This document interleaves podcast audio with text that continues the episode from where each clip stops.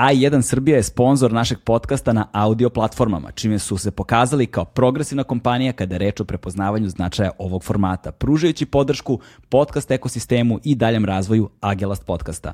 Važno je da se razume da su podcasti nastali kao audio format i da je ovu sferu razvila i učinila mogućom sve popularnija kultura slušanja. Bez audio formata nema podcasta. Legend Worldwide je domaći modni brend prepoznatljiv po džinsu i stilu, fokusiranom na stvaranje smirenog dizajna sa prizvukom modernog nasuprot bezuslovnom praćenju modnih trendova. I to je bilo to što se tiče servisnog dela informacija. Sada pređemo na našeg gosta. Naš gost se zove Miodrag Jevtović, poznati kao Jefta. On je šef misije Lekara bez granica i jedna, od, eh, jedna fascinantna ličnost koja je zapravo uh, početkom 2015. godine kada je krenula a, imigrantska kriza iz Sirije, kada smo imali veliki talas izbeglica, zapravo odustao od poslova kojima se do tad bavio i počeo da radi za lekare bez granica na jednom veoma bazičnom logističkom, naj, jednoj najnižih, uh, najnižih nivoa kojima može se startuje u toj organizaciji i vremenom je uspio da napreduje do šefa misije u poslednjih sedam godina, tako da najviše moguće pozicije među lekarima bez granica obišao je mnoge zemlje sveta u kojima je odradio brojne misije kao što su Južni Sudan, kao što je Egipat, kao što je Jemen, kao što je Sirija, odnosno zemlje oko Sirije, pošto je tamo zabranjeno lekarima bez granica da budu, ali pričat ćemo i o tome kako, šta i zašto. Ove, ovaj, nekog sa bogatim iskustvom gde smo uspeli da se fokusiramo negde ne toliko na same misije, misije i ono čime se lekari bez granica bave, nego na njegovom ličnom, intimnom, testimonijalnom iskustvu o tome kako izgleda putovati kroz te zemlje, upoznati, upoznavati se sa kulturama i narodima tih zemalja, što mislim da je jedno od najvrednijih iskustava koje bilo kod nas može da ima. Moj sledeći gost, Miodrag Jeftović Jefta, Lekari bez granica. Uživajte.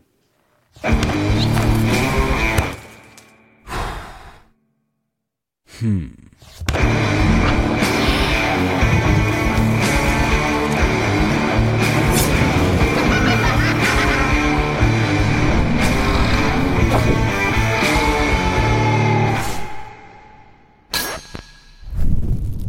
Gde si, Jefto, legendo? dobro jutro. dobro jutro, dobro jutro. Kažeš da ekstremno rano ustaješ, kad ustaješ? Pa uglavnom negde oko 6, 7. 7 najkasnije. A dobro, to nije ekstremno rano, to je, znaš, to je samo rano. Pa dobro, za ljude, ovaj, za, za današnje vreme neki bi rekli da je ekstremno pa, da, rano. da, to je zato što nemaš decu. Znaš, to je, znaš, kada dođu deca, ona ustaju pre sunca. Onda ti postaje regularno. Ma da, to ti je normalno. Šta će, znaš, da ti ustane dete od dve, tri godine u pola šest i Znaš, izgleda, da- izgleda da crtamo sunce i cveće u pola šesta. Znaš kao to tako ide, to tako funkcioniš. Možda za koju godinu, ko zna. Pa da, s obzirom na tvoj posao, zbog čega si ovde zapravo i o čemu ćemo da razgovaramo, znaš, da, velika žrtva. Pa žrtva, da. U neku ruku jeste, dece još nema. Možda bi bilo da ne radim ovo čime se bavim, ne. Da. ovaj, ali, ali je lepo. Lepo je, žrtva isto ne vidiš ovo svoje, svoje možda ne svoju decu, ali tuđu oko tebe, sestrića i to kako da. odrastaju i, i, i porodicu, drugare, prijatelje, Mm. toga definitivno nema onoliko koliko bi želeo, ali stekneš svašta nešto drugo. Pa da, ali recimo s druge strane, ukoliko bi se upustio nekakav romantični odnos, kako bi to uradio sa osobom koja nije iz tvoje delatnosti? Kako bi to uradio sa osobom? Pa vrlo teško. Presto da. bi da se bavimo ovom delatnosti. to, Od pa da. prilike. To, to, to. to ovaj. Hajde da kažemo ljudima odmah na početku, ma da pretpostavljam da već znaju, jel te, s obzirom na to da slušaju o čemu se radi. Dakle, ti si član Ja sam e, član Lekara bez granica, u mm. stvari trenutno nisam, trenutno sam srećno nezaposlen između dve misije, da. ali inače sam ovaj, radim za Lekare bez granica. A da. čekaj, u stvari ti kada odeš na odmor, ti zvanično nisi u Lekarima bez granica. Ja sam zvanično nezaposlen, najsrećnije nezaposlen. Aha, znači, znači kod vas nema to varijanta, otešao sam na odmor i kao nisam, i član sam Lekara bez granica. Pa ti ostaneš član te asocijacije lekara bez granica, ali nisi zaposlen. I to isto ukoliko želiš. Svako, svako ti ko nemaš primanja sad? Nikakva primanja, da. A, da. Znači to su neplaćeni odmori. Neplaći, tako je, tako je. A. Ali lepota toga je što ti izabereš koliki će odmor da ti bude. Pa, pa kada je neplaćeno da ih baš briga. Tako je, tako je. Osim ukoliko nisi osoba od velike vrednosti. Ma ti jesi tamo njima od velike vrednosti. Pa jesam, evo sad ovaj odmor koji sam ja sebi uzeo od 6-7 meseci je bio prekinut pre par nedelja jer je bila malo Mm. Bilo je nekih problema u Jemenu, pa su me zamolili da se vratim i eto, bio sam tamo na dve nedelje, sredili smo šta je trebalo da se sredi i mm. evo me sad nastavljam sa tim neplaćenim odmorom. Da, da, da, da, da. O, ovaj, hajde samo da kažemo ljudima odmah na početku, dakle, pa ćemo onda početi priču ona, tamo gde treba. A, dakle, ti si u Lekarima bez granica nekih sedam godina. Tako. Tako, da. ovaj, i počeo si kao... Kao purchasing officer, kao nabavljač. To je neka najniža na, moguća na, pozicija koja na, tamo postoji. Pa da, možeš da budeš i čistačica ili vozač, ali, ali to, je to. to je to, da. To je to, da. Ovaj, a s druge strane, a sada si? Sada sam šef misije. To je da. najviša moguća pozicija na koja terenu, postoji. Na terenu, da. Na, da. tako da ti si zapravo prošao ceo jedan spektar ono za ovih sedam godina unutar te, unutar lekara bez granica. Bukvalno, od najniže do najviše pozicije. E, tako, i obišao si brojne zemlje, vidio si svašta, upoznao si razne kulture i to će biti ono centralni deo našeg razgovora, ali hajde prvo da upoznamo tebe. Ovaj, za one koji slušaju uh, i fokusirani su samo na glas, sigurno su u fazonu, wow, kakav glas ima ovaj čovek, ti si neki ono bariton, šta li si? I to sam isto bio nekad. A to, da, hoću da I da kažem dalje. muzičar si. Da, zapravo, da, da, bio sam, ovaj, zapravo sam studirao muzičku akademiju i posle toga ostao u muzici, radio i u, predavao u školama, predavao solfeđo muzičku u nekim osnovnim školama, to su uglavnom bile neke zamene i tako kako to mm. već ide. Ovaj, privatni časovi, horovi, E, igrom slučaja sam se isto usmerio ka dirigovanju. To se bukvalno slučajno desilo jer sam pevao u Obiliću, u horu Obilić pri Akademskom kulturno-umetničkom društvu Krsmanović. Ovaj, onda je Darinka Matić-Marović u to vreme nije imala asistenta, zamolila me da ju pomognem, pošto su imao to muzičko obrazovanje i onda počne to. Onda umeđu vremenu se osnovao još jedan hor u KST-u, pa onda sa profesorima i asistentima sa fona još jedan hor na fonu, i jako mi je drago da su oba ta horića, da kažemo, i dalje funkcionišu, naravno, ne pod mm. mojom dirigentskom palicom, ali da. pod, pod eh, dobrim dirigentskim palicama. Uvijek mi je bilo fascinantno ovaj, dirigovanje kao koncept unutar muzike. Znaš, da, I u, dugo godina mi nije bilo jasno šta dirigent zapravo radi. Znaš. I ovaj, onda mi je neko to objasnio na ovaj način. Kaže, muzičari sviraju instrumente dirigent svira orkestar. Od prilike, da. da. Ja, ja do duše nikad nisam radio s orkestrima, ili ja ni nisam dirigent po da. vokaciji. Ja sam imao naravno tog horskog dirigovanja kao deo studija. Ja sam više to pokupio naročito od Dare tada i od mm. ostalih i to ti u principu najbitnije da imaš energiju i da, da, da, da vodiš tu masu ljudi, na primjer u Hrsmancu kada imaš sto i kusur ljudi na sceni, mm. treba ih obuzdati. Treba biti autoritet. Znaš, i treba predvoditi. I znaš, treba predvoditi i biti organizovan dovoljno da znaš šta da se dešava u svakom trenutku. Ali sam čuo i kao da dirigenti treba zapravo uh, ono, da, da, da, znaju ono, uh, tipa pola takta pre nego što se stvar svira. Da, da uvijek ideš malo ispred muzike, uvijek. znaš. Zato što uvijek. ti dok uradiš, dok oni reaguju, dok se desi ta, ta ta da razmena prođe taj trenutak kratki. Ono. Tako je, ti si uvek malo ispred tog ritma da bi im mm. naznačio šta želiš da od njih izvučeš. Da, da, a oni treba baš da prate. To je vrlo, vrlo teška stvar u suštini.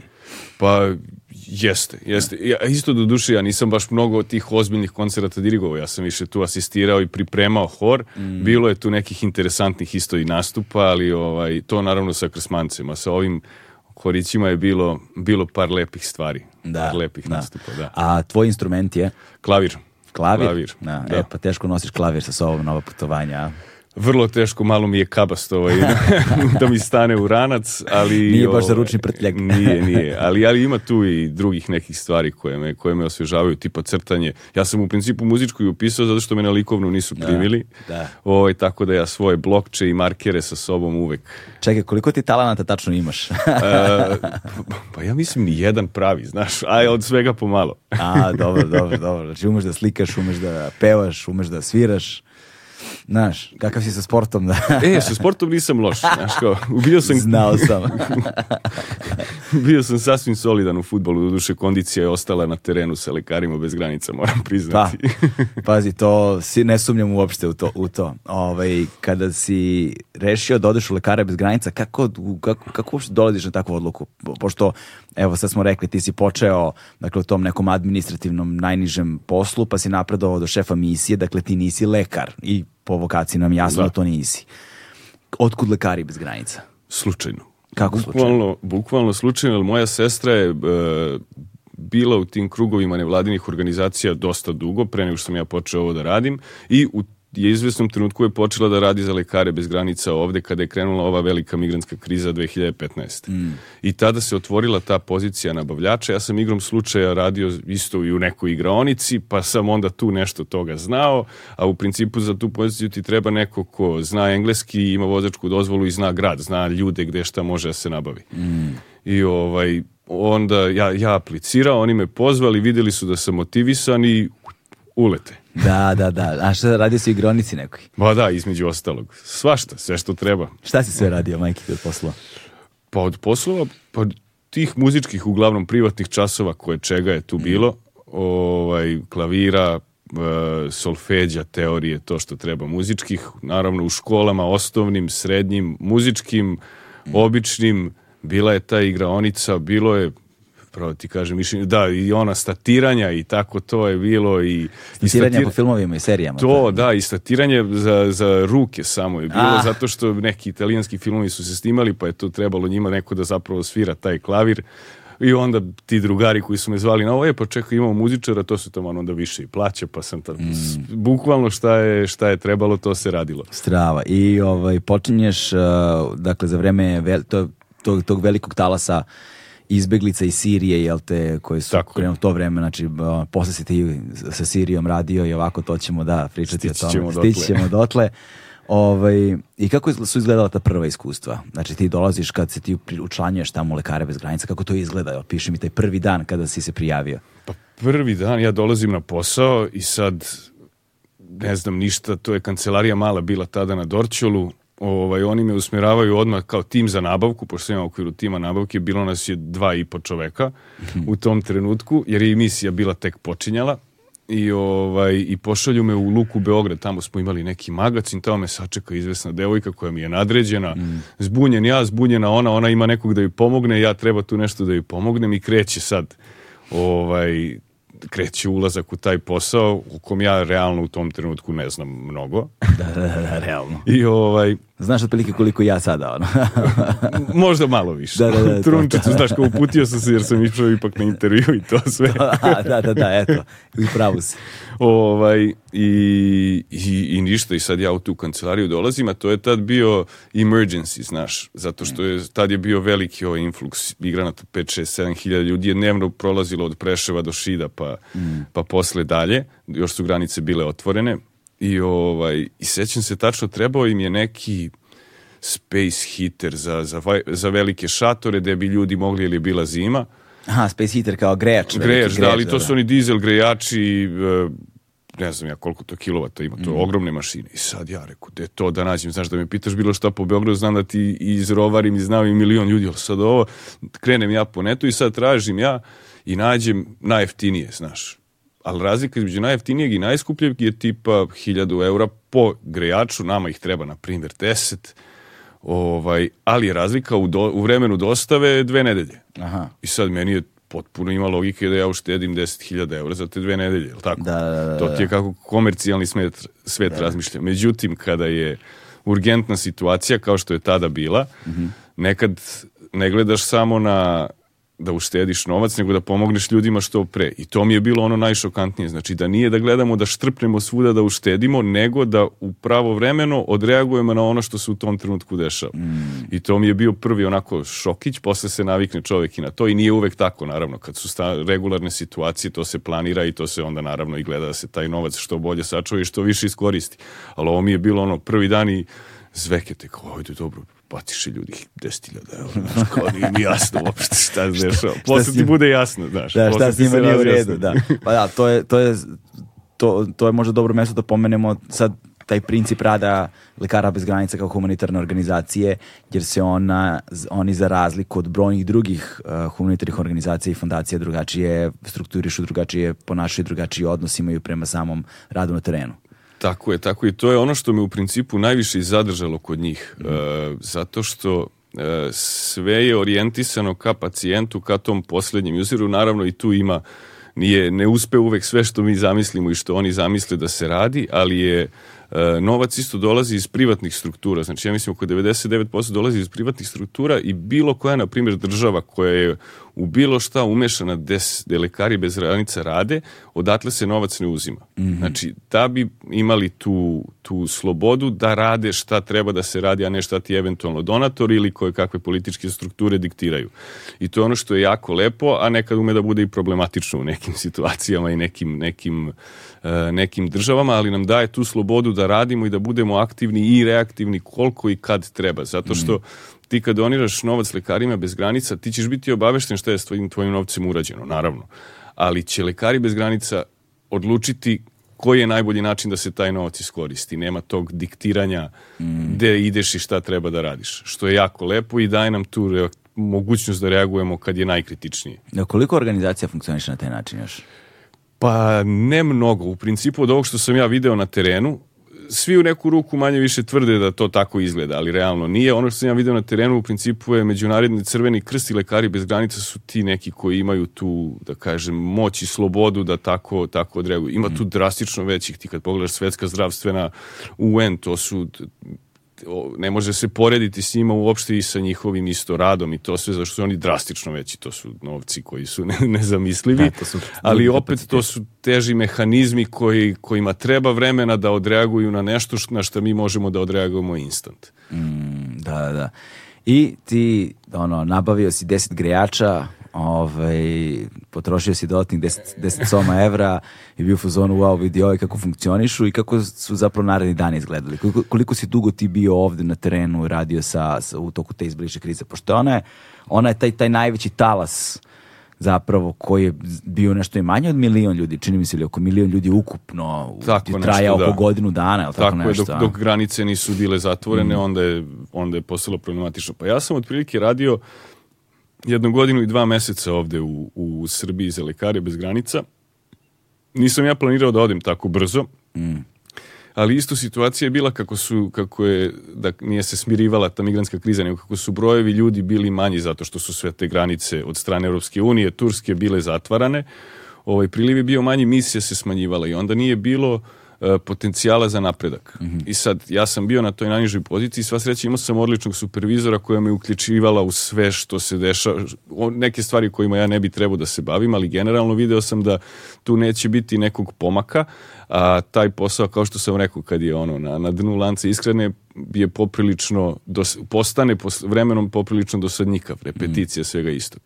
I onda sam ja hteo da, da vidim i, i on umeđu vremenu ti stranci koji su dolazili ekspati ovde su mi pričali je ovo ovde, ovo onda, ja sam doživio ovo tamo, a ovako je u Africi, ovako je u Aziji, ovako je u Južnoj Americi. I, ovaj, i ja shvatim da da je to nešto što želim makar da probam. Mm. I onda sam posvetio dosta vremena uh, čuvanju parica i tako to i odem na institut Bioforce u Lijonu na jedan kurs jer tamo ima taj institut koji je specijalizovan za uh, humanitarne radnike. Mm. I čak radi u saradnji sa univerzitetom u Grenoblu, može i master da se uradi tamo. Super je, super je priča. Koliko to košta? Pa to košta poprilično. Ja otprilike životnu svoju ušteđevinu tada potrošio na to. Ja sam uzeo samo taj kursić od dve nedelje uh, i on me košta pa par soma eura. U to ti ne ulazi ni smeštaj, ni prevoz, ni... Samo ni, kurs. Ni, samo kurs kao takav, da. Mm -hmm. I ovaj... Znači ti si zapravo od samog starta bio prilično odlučan, e, odlučan da to bude smer kojim ćeš da se krećeš. Čim si ti životnu šteđevinu potrošio i, znaš, čim si ti, pa- znaš, nije, nije to odluka koja je došla preko noći. Nije, nije, ali ta odluka isto je došla posle jednog godinu dana rada ovde, To je jedno dva meseca pre nego što sam zapravo otišao. Koliko da... si dugo radio u igronici? Pa jedno dve godine ali ti nije palo na pamet da se usavršavaš. tu sam se usavršio dovoljno. Znaš, nema tu baš mnogo šta da se usavršavaš. Kapir, ali razumeš što hoću da, ti da, da kažem? Da, da, da, da. Razumem. Znači, odredilo te ovo u velikoj meri. Ne, nešto, nešto, se, nešto se u tebi prelomilo zapravo. Povuklo je, da. da. A1 je prvi prijatelj audio izdanja Agelast podcasta.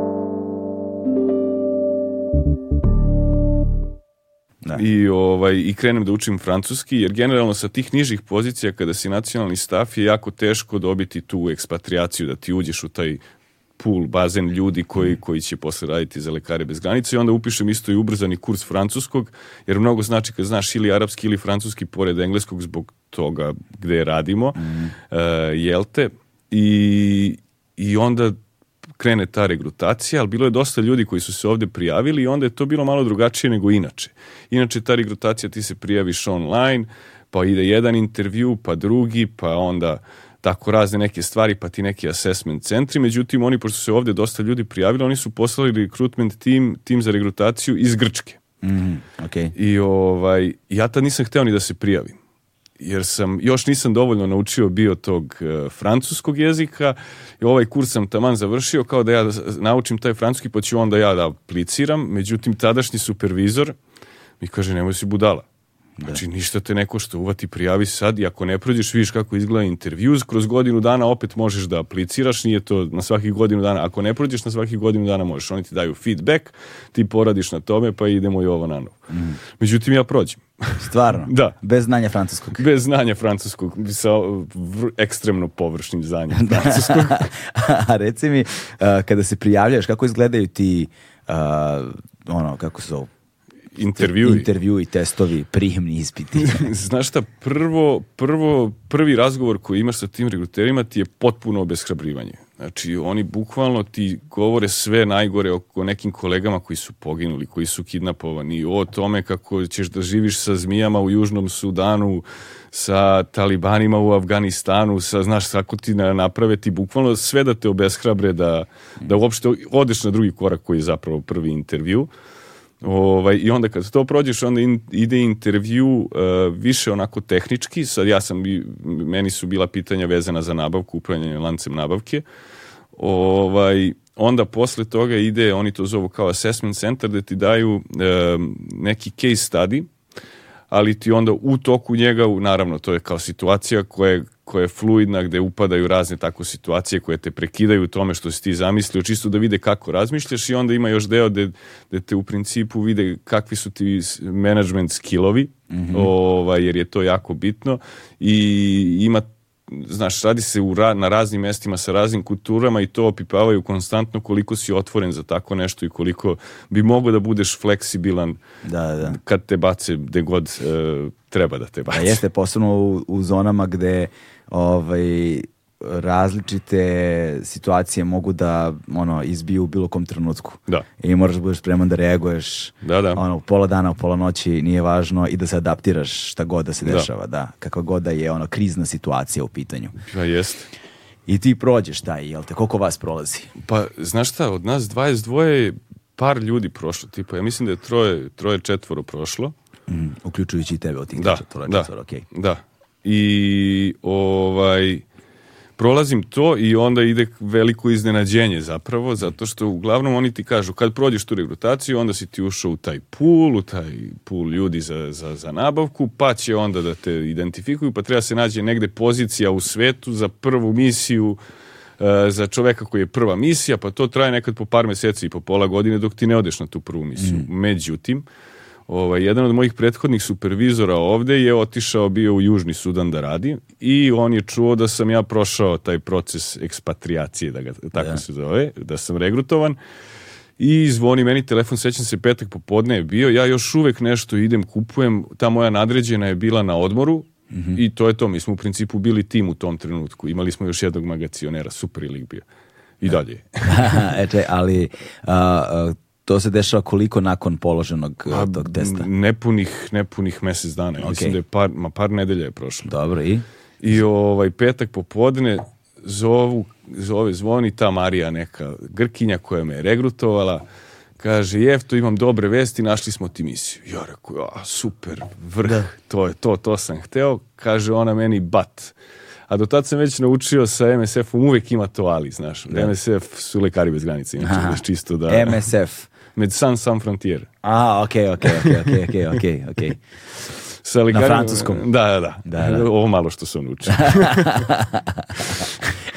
I ovaj, ja rekao, dobro, št, očekivao sam neki bat, šta je bat? Kaže, znaš, mi u Srbiji koristimo jedan softver, prebacujemo se na drugi softver generalno svuda u svetu za nabavku koji ti još uvek ne znaš, pa bi ovaj trebao da završiš ta, tu obuku. Sad to je bio neki novembar, ja mislim, ja rekao dobro. Kaže, sledeća obuka je u, u februaru, ja mislim. Da. Ja rekao, dobro, nikakav problem, to je za par meseci. Tamo. Da, kao, nama treba tamo neko čim pre u Južnom Sudanu. Um, ja rekao, pa dobro, mislim da razumijem onda šta, šta ćemo da radimo. Kaže, Pa ima obuka kreće u ponedeljak, znači govorimo petak popodne, ovo je ponedeljak, a taj centar za obuku za te e, softvere za upravljanje lance nabavke nam je u Abidžan, u, u obali Slonovače. Uje, da. Ja rekao, pa dobro, kaže ona meni, ništa, pa, pošto je ovako naglo, ne brini se, ako nećeš, ne možeš, ne želiš, nije nikakav problem, neće uticati dalje na tvoju karijeru, ti razmisli, pa mi javi, ali mi javi što pre, jer to je sad ponedeljak. Da. Ja tu, toku tog razgovora, rekao, ma idemo, Ajde. Da, da, da, da, spreman sam. To je to. Vozi. Znaš, nisam ja bacio ušteđevinu, znaš, da bih razmišljao dva dana o tome. dva dana koga pritom i nemam. Da, da, da, da. da. I, ovaj, i, I tako se spakovao na brzaka, izljubio se sa tadašnjom devojkom, roditeljima, ovaj, bakom, dekom i za Abidžan u tom Abidžanu, to mi je bio zapravo prvi susret sa Afrikom. Pre toga sam bio nešto u Tunisu, znaš, ali to je... Turistički, ipak ta, da. da, da, ipak ne. ta Severna Afrika se ne može porediti sa onom subsaharskom i, ovaj, i, i potpuno onako... I za početak, kad ideš na u obalu Slonovača, ti treba nešto? Viza, na primjer? Trebali su mi vakcine, mm. trebala mi žuta groznica, to sam morao, to je bilo obavezno, jer realno mi pred odlazak na teren mi primamo podosta tih vakcina, besnila, nekih, više ni ne znam tačno znači, šta. ne možeš da budeš antivakser ovaj, ako, ako u lekarima šanse, šanse nema. To sad kad je krenulo, znaš, ovo sve oko vakcine, pa neki da. drugari za, za COVID, pa neki drugari, jao, pa ne znam, pa radiš se, podali dali ispinu. Rekao, ljudi, ja u sebi imam toliko vakcina, rekao, sipa i šta hoćeš, meni je potpuno sve jedno. Ništa ti ne fali. Pa evo, super. Super, da. Dakle, primio si za žutu groznicu. Za žutu groznicu ove ostale nisam nisam jer nije bilo vremena. Mm, I a ovo koje to ostale? E, nisam siguran pravo ti kažem. Znam da ima besnilo i dosta tih ima sa revakcinacijom. Sve ukupno jedno 6-7 mi je trebalo. Mm -hmm. ovaj, njih sam primio posle na, na terenu odma Čim sam stigao tamo, to su, to su oni sredili. Inače, bez toga ne bi smeo ni da ideš čak na, na teren. Ali ovo, pošto je bilo tako sve Hitno. na brzaka i petak popodne i to i naravno preko neke vezice Uh, sam i primio tu žutu groznicu da bi uopšte mogao da poletim u, u ponedeljak, ne, u nedelju u pet ujutru, da. To je da, bilo da. 36 sati unapred su mi otprilike. Ja. Wow, wow, ludilo. I uh, kao pakuješ, koliko, koliko je trebalo da budeš tamo dugo na toj obuci? E, dve nedelje obuka i onda pravo za Južni Sudan. Odatle. I kao Odatle. ti se sad pakuješ na gajbi i kažeš sebi šta ja sad treba da spakujem. Joj. pakuješ se za, za ne znaš ti sam zašto se pakuješ za ono prevruću zemlju pogledaš ima 52 stepena bude u hladu e, da, da, da, da, leti nema leto zima ono kišna sezona ili nije sva sreća nisam uhvatio kišnu sezonu ovaj malo bermuda malo majici i to je to da, ništa da. čarape crne sam nosio u to vreme, sad nosim samo šarene, doći ćemo i do toga zašto. jasno, jasno. Ovaj, e, i, i, I piči, i idemo. Spakao sam jednu košulju, nisam znao da li treba nekad nešto formalno da bude malo i neke pantalone. To, to, to, i idemo. I idemo. Ovaj, stižeš uh, u obolu Slonoče, gde si, gde si, gde si sleteo? E, u Abidžan, u, Aha, u glavni grad i ovaj, prvo, je, prvo je šok to kad vidiš, znaš, to je ono nešto što se viđe u filmu i ideš od aerodroma do, do tog našeg, imamo tu neku zradu da i smešta i taj trening mm. centar i sve to. Ovaj, ideš i onako sve mi je i miris je drugačiji, znaš, oni da, proizvode da. tamo kakao i ceo, ceo grad miriše na kakao, ovde ti je more pa neka poluostrvca, potpuno mi je bilo da, onako da, da. Uh, drugačije. Uh, stižemo do tog trening centra i tamo se susrećem sa ljudima iz celog sveta, jer znaš, mi to je i neki nacionalni stav, nis, nis, nisu ti kursevi samo za ekspate, nego i za lokalne mm -hmm. zaposlene i onda od Sreo sam čak čoveka s kojim sam radio posle u Južnom Sudanu, do, e, do, do Indonežana, ba bukvalno ljudi iz celog sveta i tu je bilo onako vrlo interesantnih isto kulturoloških e, razmena. Da. Da, da. Najbolje je bila, to, to prepričavam i dan danas svima, to je prekrasna priča. Pričamo kao šta se čudno jede u čijoj zemlji. Da, da, da sad ja se ranišam šta se kod naš udno jede, pa kao ajde beli bubrezi muda, znaš, ima ne. i e. mudijada u Srbiji, pa oni kao dobro, to se jede tu i tamo i sad idemo tako u krug, ovi neki jedu termite, ovi jedu ovo i ovo, ovaj indonežanin, a pritom u engleski bio malo slab, kaže, I eat dog. Ja molim mi se svi ovako, a? I eat dog. I mi kao, a, dobro, i sad malo smo šokirani. Da. Znaš ti da su u nekim kulturama je, jedu psi, to da, je, da, da. To je okay. ima, ovaj, ima, ima ovaj poznato mesto gde se neko godišnje, jedna, jednom godišnjem prosla u Kini, uh, da se mesto zove Julin. Julin da kao, znači, tamane pse, strašno. Samo strašno, tako. Samo tako, da. Ima i dokumentar, ima i snimaka svuda po internetu o tome. I, e, i sad, znaš, kao da na, produbimo malu konverzaciju, kao pa, kao, gde, kao, jel ima farma? kerova, znaš, da. kao ne, ne, ne, nema to ovako, znaš, s ulice to se pokupi, pa to kao mnogo je jako meso, onako to se dobro začini pred piće, odlično da ti udari podlogu, aha, dobro, dobro. Ja ga pitam, neko, a how does, how does it taste? A on mrtav onako gleda i kaže, same as cat. Isto komačka, ja rekao da, da. je. Do, dobro, eto, hvala. hvala na informaciji, da, da. Nema mi dalje referentnu vrednost. Ono. Bukvalno. Da, da, da, da, da. Čovječe, šta su ti kultura, ludilo. Pa da. Ludilo.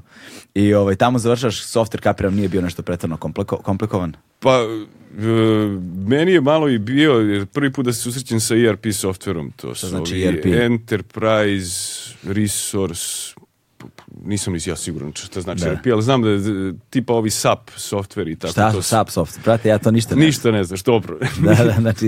Ovi... tehnički, de, da. tehnički to su ti softveri koji ti, u koje ti je integrisano sve od upravljanja lancem nabavke, mm -hmm. logistike, transporta, skladištenja, e, u ovoj naši čak i HR, financije, sve je u tom softveru, pa sad ja sam konkretno bio učio taj deo za upravljanje lancem nabavke. Da, da, da, da, to, Ove... me, to meni sve zvuči kao Excel.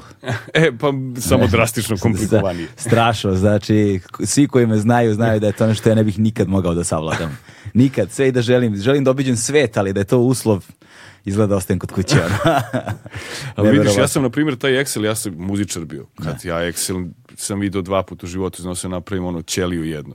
Da, da, I da. počnem da radim ovaj posao i tad sam cimo sestru još ovde u Srbiji dok sam radio, aj, radio, aj mi pomozi s ovim onim. Međutim, shvatim da mi je to integralni deo posla koji će mi trebati 100% u, e, docnije u karijeri ne. Da. ili čak tu. I onda YouTube i ovo, ja sam bukvalno naučio, doveo sam se na neki nivo vrlo, vrlo visok u Excelu, YouTube-om i putem ono pokušaja i pogreške. Da, da, da, da, da, da, da ta, ovaj, kako se zove, samo... instrumentalnim podučavanjem. Ono, tako da. je, tako je. Ovaj, a, da, čovječe, sad ti je YouTube. Danas neverovatan je broj ljudi koji srećeš danas, koji su sve što znaju fazno naučili preko YouTube tutoriala, ono, to je neverovatno, zaista neverovatno. U kakvom vremen, kakvim vremenima živimo. Ovaj, i kao, ono, kako, kako su iskustva po Abidžanu tamo i to? Po Abidžanu pa znaš šta, bili smo fokusirani na to, na, na Nisi taj se nešto trening. Malo kretao, izlazio, šetao. I išli smo malo, malo po gradu, videli, ali ništa, grad ništa tamo? To je veliki. veliki. Da. Ja mislim da je on možda, i ko, nisam siguran, sad neću sad da lupim, da, da, ali dao bi mu ja par miliona ljudi. Da, da, da.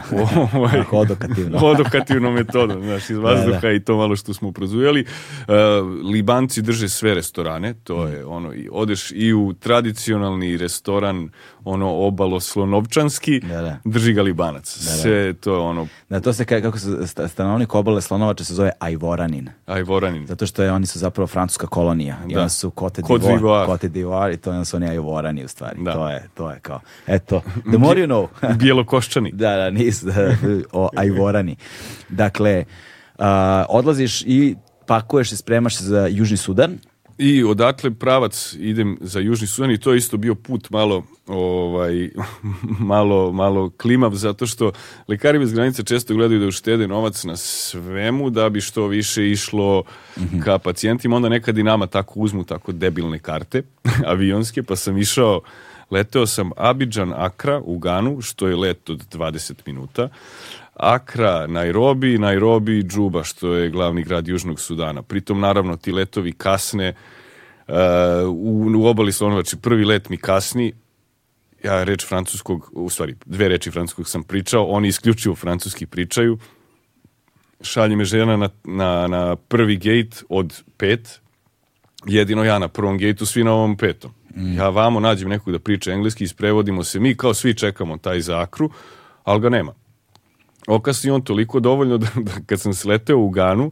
čeka me žena ispred aviona, hvata me za ruku i trči sa mnom. Ja ne znam gde mi trčimo. Mi smo izašli iz aerodroma i ušli na odlaske, znači ona je mene provukla, ja sam propišto kroz ove security čekove i utrčava jer zna ona kao ima ovaj, treba da stigne na ovaj let. Naravno, torba ta nije stigla, ovaj, onda u Nairobi, posle slećem u Džubu i to u Džubi to je bilo ludilo. Znaš, Južni Sudan, najmlađa zemlja na svetu, taman su izašli iz tog, mislim, izašli, taj građanski rat se manje više nikad neće ni završiti, verovatno, ali slećemo tamo, nešto je bio oštećen aerodrom i sad, ali ti kad slećeš ti vidiš tu betonsku zgradu sa, sa, sa, sa leve strane i izlazimo iz aviona i ja kontam ićemo ka tome jok, pored toga ovako šatori, znaš oni party tentovi. Da, da. E, jedno, ne znam koliko ih je, nekih je bilo desetak ovaj, tih party tentova, dole palete, međunarodni dolasci, međunarodni odlasci, lokalni dolasci, lokalni odlasci, e, prijem prtljaga, predaja prtljaga, pritom ne postoji šalter, ništa, ništa. Da, Ništa da, da, da. ovako. I sad ti dođeš tamo i dođe ona istovari one torbe, ti se šibaš tamo da stigneš do te svoje torbe, kao ideš na kontrolu, da. na kontroli ti lik udara x kredom na torbu. Znaš, otvori on onaj moj ranac, pog, dobar je, znaš, piči, ti, ti možeš sam da udariš te Iksić ako znaš foru i da uneseš šta hoćeš. I da, da da, da, da, sad se taj drugi taj aerodrom se završio, pa sad, ali u tom trenutku je bilo potpuno sumanuto, 50 stepeni na polju, ti se tamo lemaš sa svima da dođeš bukvalno do, do svog prtljaga. Moj prtljag naravno tada nije ni stigao, mm -hmm jer je, jer je ostao, nego to je bio ovaj ranac iz aviona, jer su i to isto oni pokupili. Da, da sa klavirom. sa, sa blokčetom. da, da, da, sa blokčetom, to, da to. Ovaj, I, i ništa, onda, mislim, taj susret sa tim, tom džubom, to je stvarno baš bilo onako nadrealno, jer zemlja u kojoj nije, nema ništa, bukvalno ništa, ti ideš i asfaltni put u glavnom gradu ide, pa u nekom trenutku ga nema, pa ono drvo na sred puta, ali to drvo nije sad neko iseko, nego, znaš, zaobilaziš ga odavde, da. odande, zemlja praktično koja funkcioniše na, na humanitarnim organizacijama. Ja mislim da su tamo lekari bez granica praktično pola ministarstva zdravlja. Bukvalno, mm. zato što ništa ne funkcioniše plemenske strukture te vojske, to je, to je politička situacija tamo tada. Sad ne pratim ja već dosta dugo Južni Sudan, ali tamo je bilo, imaš SPLA, Sudanese People Liberation Army, pa SPLA North, to su ovi iz SPLA koji nisu hteli da ostanu sa ovima, oni hoće nastaviti da ratuju sa Sudanom, onda SPLA IO in opposition da. i tako ti imaš tri te zvanične, na primjer, frakcije koje neki sa Sudanom, neki među sobom i onda tu ima i ta plemenska struktura, naš, dva najveća većinska plemena su Dinke i Nueri, mm. ovaj, gde su, oni su tako i rasporedili Dinka e, predsjednik je iz plemena Dinka, onda iz Nuera je bio potpredsjednik. Međutim i oni onda među sobom krenu i to ti je, onda se ti narodi među sobom isto tepaju, ovaj, ali, ali potpuno, znaš, ono, viš kako jedna politička, loša politička situacija utiče na, na divne ljude da ih, da ih mm. E, uperi jedne ka drugima. Da, to su, nam, to su sve stvari koje su nam veoma poznate, ono, nažalost. Znaš. Nažalost, da. Nažalost poznate. Kao u pripremi za odlazak u Južnu Sudan, sad čekaj samo trenutak, namestim ovaj me nervira, ovaj kabel, brate. Ovaj, Tako, evo tu. E, a, pa, e. Ne mogu da ga gledam, brate. E, dakle, da li je bilo neke pripreme za Južni Sudan? Znaš šta, generalno... Kao, e, mislim, vi kad se nađete tamo ovaj, u Lekarima bez granice, pre nego što odlaziš na teren, ili imate neku pripremu za teren? E, ima, generalno ima, ali ja sam moj put kroz lekare bez granice potpuno neortodoksan. Znači, sve što bi trebalo da se mm. radi, ja to nisam ništa imao. Da, znači, da. ima, oni to zovu PPD, pre, Preparation Pre-Departure. Mm -hmm. To ti je, od dve nedelje se ide, zavisi od toga ko, u kom si, da li si HR, da li si financije, da li si nabavka, logistika. Ima jedan deo, nedelju dana zajedno e, su svi ti novi tek regrutovani, koji te, tek treba da idu na prvu misiju, a onda drugi, druga nedelja ti bude konkretno za tvoj posao. Mm -hmm. Sad, pošto je kod mene sve to bilo tako malo navrat nanos, taj odlazak, kao što sam ti već rekao, onda je bilo ITC ne samo na teren. I naravno, onda pred prvu misiju ti dobiješ detaljan, pred svaku misiju ti dobiješ detaljan briefing, gde ideš, šta radiš, mm koji su ti objektivi za to vreme šta treba da se završi, šta treba da se uradi. Kod mene to za taj ništa sudan ništa, ništa, ništa nije bilo. Da. I da. dolazim tamo i srećem tog drugara što sam ga spomenuo nadređenog odavde koji je i tražio mene da dođem tamo zbog čega je sve bilo mm -hmm. tako malo navrat na nos. I on mi kaže, e, ne brini se ništa, kao tek je otvorena pozicija supply menadžera, nismo imali do sad na tom projektu. Da. Ovaj, tu imaju dva neka projekta na isto mesto, ali ne brini se ti, nije to toliko strašno i imaćemo kao neku vakcinaciju i neko prskanje za komarce za malariju i kao treba da stigne ta neka zgrada mo, mobilna kao da se sastavi, ali kao to isto nećeš ti mnogo biti tu umešan, tako da u principu sve, sve ok, bez brige. Kao budim. pusti se. Da. Odlazim tamo. Sve to je završilo na meni, jer sam bio jedini ne. tamo za nabavku stranac, bio je taj lokalni tim. Ovaj, I to je onda bilo šest meseci opšteg, opšteg ludila od posla, da. Da, da, da. Da mi je, da mi je nadređena ta koordinatorka projekta u izuzetnom trutku otimala ono, kompjuter i zaključavala ga u sef, da, da bi prestao da radim, jer je bilo ono, da, sumanuto, poterali su me bukvalno bili na odmor. Stvarno? Da, da, da. baš sumanuto. E, sad mi reci, kakvi su prvi utisci kad odeš ono, u Južni Sudan? a, ka, gde si bio smešten, a, kako, kakav si bio sa kretanjem, koliko si lokalnog stanovništva upoznao, kako se tamo živi, znaš, pored da. onoga što znamo od sukoba, jer uglavnom su to jedine vesti koje ja imam. A naravno, da. naravno. Ovaj, e, ne uglavnom, nego mislim da su to bukvalno, jedine, jedine, bukvalno vesti, jedine vesti koje, koje postoje odande. Da. Koje dođe odande, da. Ovaj, znaš šta, to prvo kad se dođe, ja sam prvo bio smešan u tom glavnom gradu Džubi nekih par dana pre što sam otišao na, na koliko je, kolika, je, koliki je, kolika je džuba?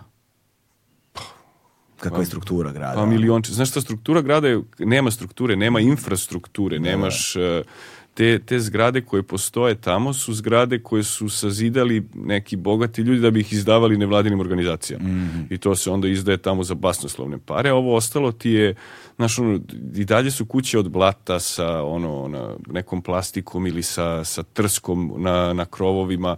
Sve je poprilično skromno, polako je grad počeo da se razvija pošto su se oni odcepili od, od, od e, Sudana, ali to je sve, ja mislim da i dan danas, ja sam tamo bio pre šest, šest godina, da, ni, da se to nije mnogo pomaklo. Mm. Ovaj, e, narod kao takav je ono, divni su ljudi. Ima uvek predrasude, generalizacija toga uvek postoji. Znaš. Da, da. I tako i meni bilo predstavljeno u ta dva dana dok ja nisam stigao do tog Južnog Sudana i te dve nelje. Kao, znaš, pa tamo imaćeš problema. Međutim, ja sam kao i svuda, kada ljudima pokažeš poštovanje i kada, kada se ophodiš prema ljudima normalno, o, o, prekrasni ljudi. Znaš, mm. ja sam tamo... Um, u toj džubi nisam proveo mnogo vremena, odnosno sam otišao na taj projekat, to je Town, to je blizu granice sa Sudanom i, i Etiopijom na, mm. na severoistoku ovaj, i tamo, tamo nema ništa tamo ti je bukvalno, ima ta neka, oni to zovu aerodrom, to je u stvari pista, utaban put, mhm. eh, gdje uh -huh. sleću ti humanitarni avioni s jedne strane je kamp e, sa izbjeglicama iz Sudana, sa druge strane je taj Bunchtown. I ti ljudi u tom kampu i u Bunchtownu žive u principu isti život. Isto imaju te kuće od blata, od te plastike što, do, što donira UN ili humanitarne organizacije, od, od e, trske. Nije to sad, znaš, ti imaš neke izbjeglice negde pa oni žive u šatorima, a ovi ovde žive u zgradama. Ne, to je, oni svi žive na, na, na isti način, da. Ovaj, I, i, a ljudi, ka, kao što sam spomenuo, su divni. Da. Stvarno, mislim, ja sam tamo sarađivao s njima, pritom mene je taj moj, da kažemo, taj čovek koji je bio ispod mene u, u, u, u hijerarhiji u nabavci, on je baš južnosudanac, on je dve godine pre nego što sam ga ja upoznao prvi put video laptop. Mm. A ja kad sam došao tamo, on je meni pomagao sa ovim softverom o kom smo pričali malo pre. Da, da, da. Znači ti toliko su voljni, znaš, da, da uče, samo nemaju prilike. Znaš, ti tamo kao obra, neobrazovani, pa ne, nisu oni obrazovani zašto neće da budu obrazovani, nego zato što u školi koja tamo postoji, učitelj nije plaćen bio dve godine i onda je otišao u Etiopiju da radi. Da, da. I da. sad da. tebi je ta jedna škola koja postoji tamo zatvorena. Da. I tebi, i toj populaciji tamo oni, oni žele da napreduju, oni žele da uče isto, isto kao i mi, samo što su prilike Mhm. drastično, drastično manje, manje isuženije. Isto su prevredni i to je sve prekovremeno, kad god šta god da treba, kad te poštuju naravno, kad, da. kad si normalan sa njima kao, kao i sa svima, kao i sa svima ostalim u životu, ovaj, to poštovanje koje dobiješ od njih je potpuno neizmjerno, sem nedeljom, nedelja je dan za crkvu, to se ne dira, znaš, da, nedelja, da, da. nedelja nedelje je dan za odmor. Oni su zapravo podeljeni tamo, severni deo su muslimani, ali tako južni deo su hrišćani. Tako se podelilo, da. Da, i oni su uh, vrlo privrženi religiji vrlo, vrlo privrženi religiji, ali ta religija, mislim, to, to je isto interesantna kombinacija gdje je ostalo dosta tog plemenskog, znaš, to su hiljade godine tih nekih plemenskih tradicija, onda je došao neko i doneo im to hrišćanstvo koje su oni prihvatili, to je, sve je, sve se vrti oko te nedelje i Boga i te, te mise i to sve. I super mi je što oni, na primjer, pričaju arapski.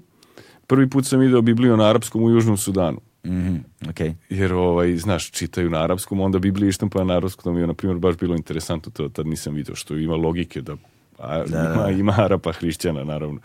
Ovaj, e, sve u svemu, imaju taj miks te svoje kulture, e, da kažemo, milenijumske mm -hmm. i, i, ovaj, i hrišćanstva, gde gde se ta crkva poštuje abnormalno, sve se vrti oko Boga, ali opet ti možeš da imaš, na primjer, više žena, da, da, da, da. ukoliko si u prilici.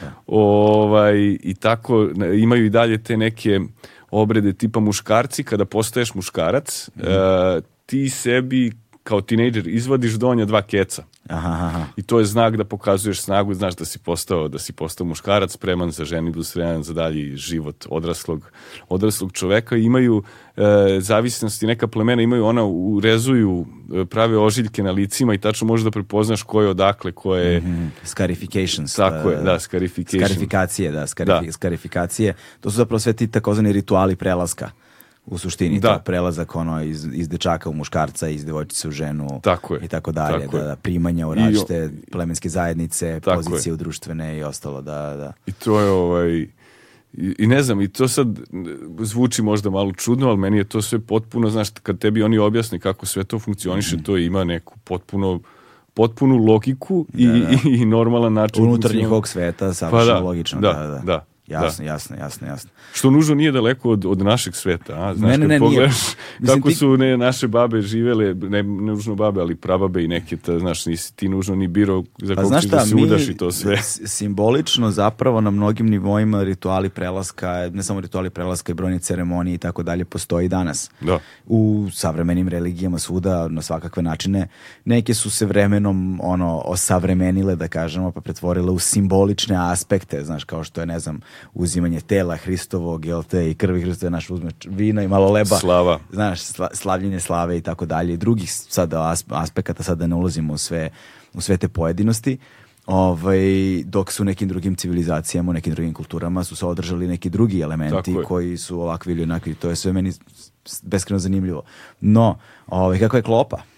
Šta je tradicionalno jedu tamo? Klopa je znaš šta, klopa je u principu šta ima da se nađe. Da, da. To kad, kažem, kad govorimo o tom, tom Doro Bunchtownu, da, tom da, da. predelu, to je mesto gde ti nemaš sad neko izobilje, niti plodne zemlje, niti bilo čega. Naprimjer, interesantno je da drva se seku za potpalu, za građu i to sve, ali se drvo urme nikad ne dira. Mm -hmm. Nikad, zato što oni svuda idu peške. Da.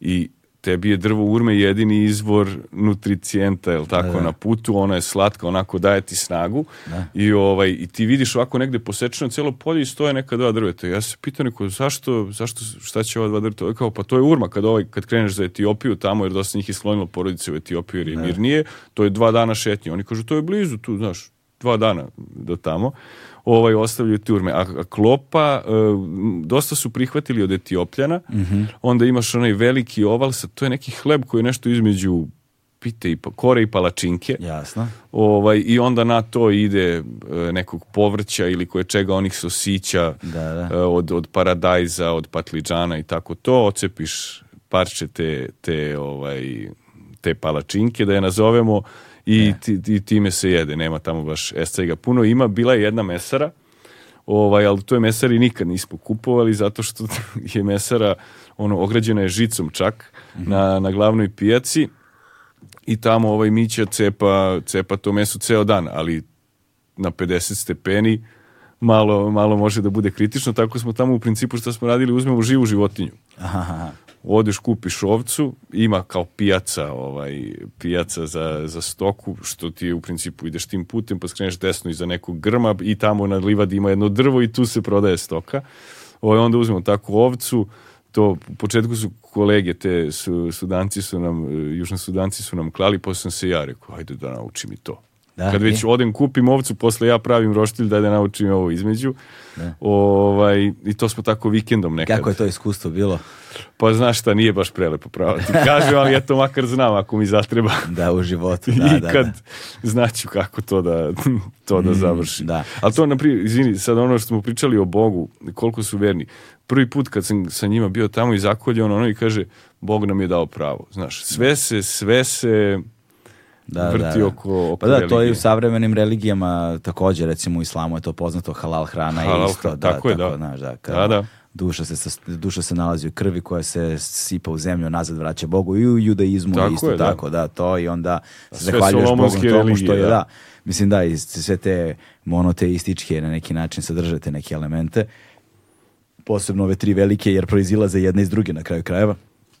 Uh, ovaj, nije velika razlika toliko i među njima, pa da. kao što ljudi misle da jeste. ovaj, um, ali je zanimljiv taj koncept, znaš, da način na koji smo se negde otuđili od sobstvenih izvora hrane. Znaš, koliko, koliko nam je hrana posredovana na neki način. Znaš, naviknuti smo da jedemo meso, ali nismo navikli da vidimo dakle to meso dolazi. Da, da. Znaš, i onda postoji ta neka ogromna disproporcija je između toga kako razumemo hranu i kako doživljavamo hranu i šta smo spremni da uradimo za tu istu hranu i koliko o njoj zapravo znamo. Znaš, I onda takvi trenuci su ovaj, brutalni, znaš, ali, ali su nekad... Ne, osvešćujući. Ali osvešćujući vrlo da stekneš odnos prema tome znaš, šta jedeš, da, kako da. jedeš, odakle to dolazi, na koji način dolazi. A onda kad počneš da razmišljaš o industrializaciji hrane, znaš, to je... lako prestaneš da jedeš meso. Dobro. Da, I a, ti si tamo boravio, kažeš, e, šest meseci ti prvi. Šest, malo jače od šest meseci. Mm. To je baš onako bilo... Intenzivno sve vreme tamo nisi napuštao uopšte. E, ne, išao sam na, na odmor, mm. na odmor, ovaj, i taj odmor isto bio malo, malo smešan, zato što prvo nisam htio da idem, onda kad su mi rekli da moram, da. ovaj, bilo je, ajde, hoću da idem u Keniju. Mm. Međutim, izbori u Keniji organizacija mi nije dozvoljavala jer nije stabilno hoću Etiopiju, za Etiopiju ne znam da li i sada, ali tada nam treba viza, naravno, gde ću ja vizu da izvadim u, u sred dođe. Da. I onda sam gledao, rekao, šta mi je najbliže, otvorim bukvalno Google, najbliže Južnom Sudanu, a da mi ne treba viza. Uganda. Mm -hmm. Reku vrh, ode u Ugandu. Da. I onda sam se pokupio i imao road trip od nedelju dana u Ugandi, što je bilo fantastično. Toplo preporučujem posetu Ugandi. Bezbedna je zemlja, prelepa, ima svašta da se vidi, izvor Nila, e, gorile, Kampala, glavni grad je ludilo, Viktorino jezero, stvarno topla preporuka za svakog da se provoza malo po, mm. po, po Ugandi, samo pazi, vozi se pogrešnom, stra, pogrešnom da, da, drugom stranom da, ulice, da, da, dva da. put, malo nisam zaginuo, da. Aha, znači ti si uzao kao renta kar neki, ono, da. Renta i Jesi za džipa nekog, brate. Ma jok, dobio neku kineza, neki ono, čeri, nešto tako. Znaš, ja uvek romantizujem te ono, vožnje, razumeš, ali dobro, dobro, jasno, jasno, jasno. čeri, klepeće, ono, sve se odvaja. Da. Nema veze, piči, brate, piči, piči.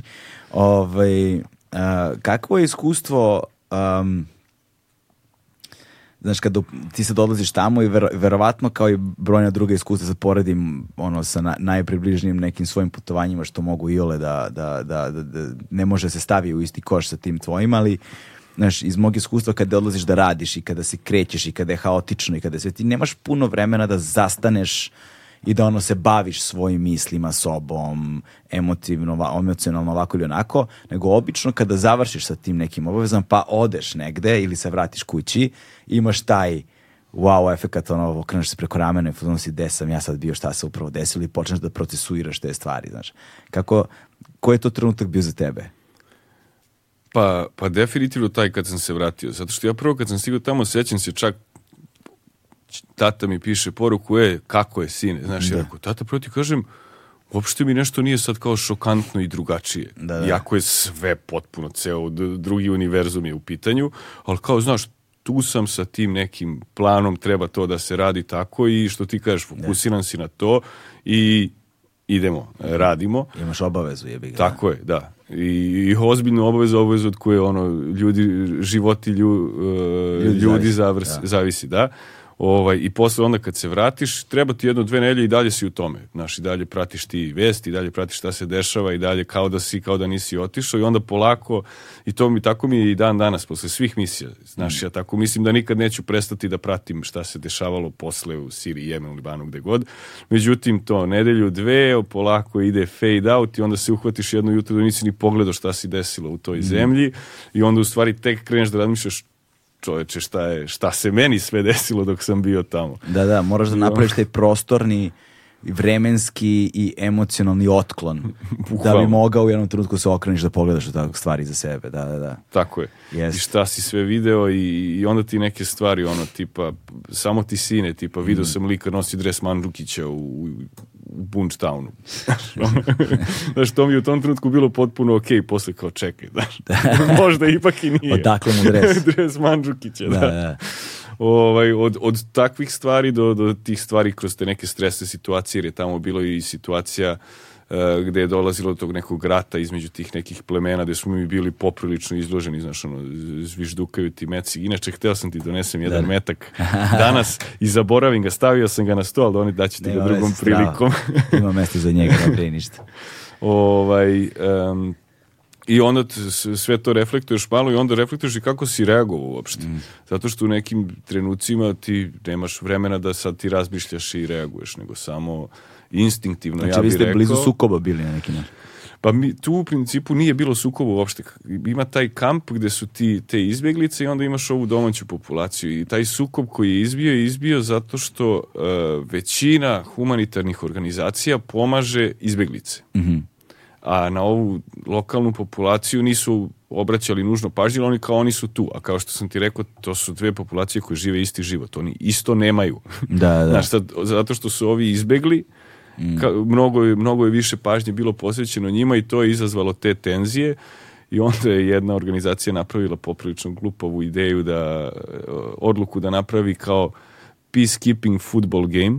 Oh yeah i onda su jedni igrali protiv drugih, prvi žuti karton, e, dvoje poginulih i onda je sve eskaliralo. Da, da, da, da. Ovaj, e, I onda je to, a sad mi smo bili logistički je najbolje da si, pošto smo mi imali i u kampu i u Bunchtownu e, smo, smo radili primarnu zdravstvenu negu, ovaj, onda logistički je najbolje da si između, jel tako? Mm. Međutim, onda kad se zapuca, da, da, ti da. si taman tu između gde su... Između tako, dakle, dve vatre. Bukvalno, bukvalno. I imamo mi tamo i, bu, mislim, bunker, nije to bunker, to je onako čvršća građevina sa betonom i peskom, da ne može metak da, da prođe tako to, ali zviždi to, bili smo dva, tri dana u, u hibernaciji, uh mhm. -huh. u toj sobi, posle čekaš zeleno svetlo od UN-a da dođe naš avion, jer tamo može samo avionom da se dođe. Uh mhm. -huh. Ovaj, onda evakuacija za, za džubu, par dana dok se situacija ne smiri pa smo se onda vratili. Uvek ostane u stvari u zavisnosti od situacije. Tamo nije bilo mnogo strašno pa ostane core tim, ono osnovni tim E, da, se, da bi se nastavilo sve, jer ti kad pogledaš realno, u tim situacijama je naša pomoć najpotrebnija. Da, da, da, realno, da. U, u najtežim trenucima je pomoć Tako najvažnija, ali nekada nije moguće to odraditi. Da. Znaš, nekada stvari moraju da od, od, odrade svoj ciklus ba, posebno u uslovima kada nema mogućnosti da se pomogne. Da, da. Mm. Ovaj, tako da, bilo je u dva navrata takih situacija, tih šest mjeseci i onda to ti kaže, kad se vratiš pa pomisliš malo o tome, znaš, mm. jesmo mi ovde prošli kroz svašta i, i to sve, ali nisu mi baš meci zviždukali pored glave. Mm, da, da, da. Ima i koji ima jesu. I ima znaš, da. ima jesu, da, da, da, da, kaže, meni konkretno da, da, da, da. odraslo sam u Beogradu, nisu baš. Nisu baš, ba, pravo ti kažeš, nisu. Znaš, moglo je da bude situacija zavisi u kom kraju grada se odrastao, Istina. znači na koji način, ali opet to nije bilo na, tako. Znaš, tako Da, da, to opet nije bilo tako, ipak su to bile drugačije okolnosti.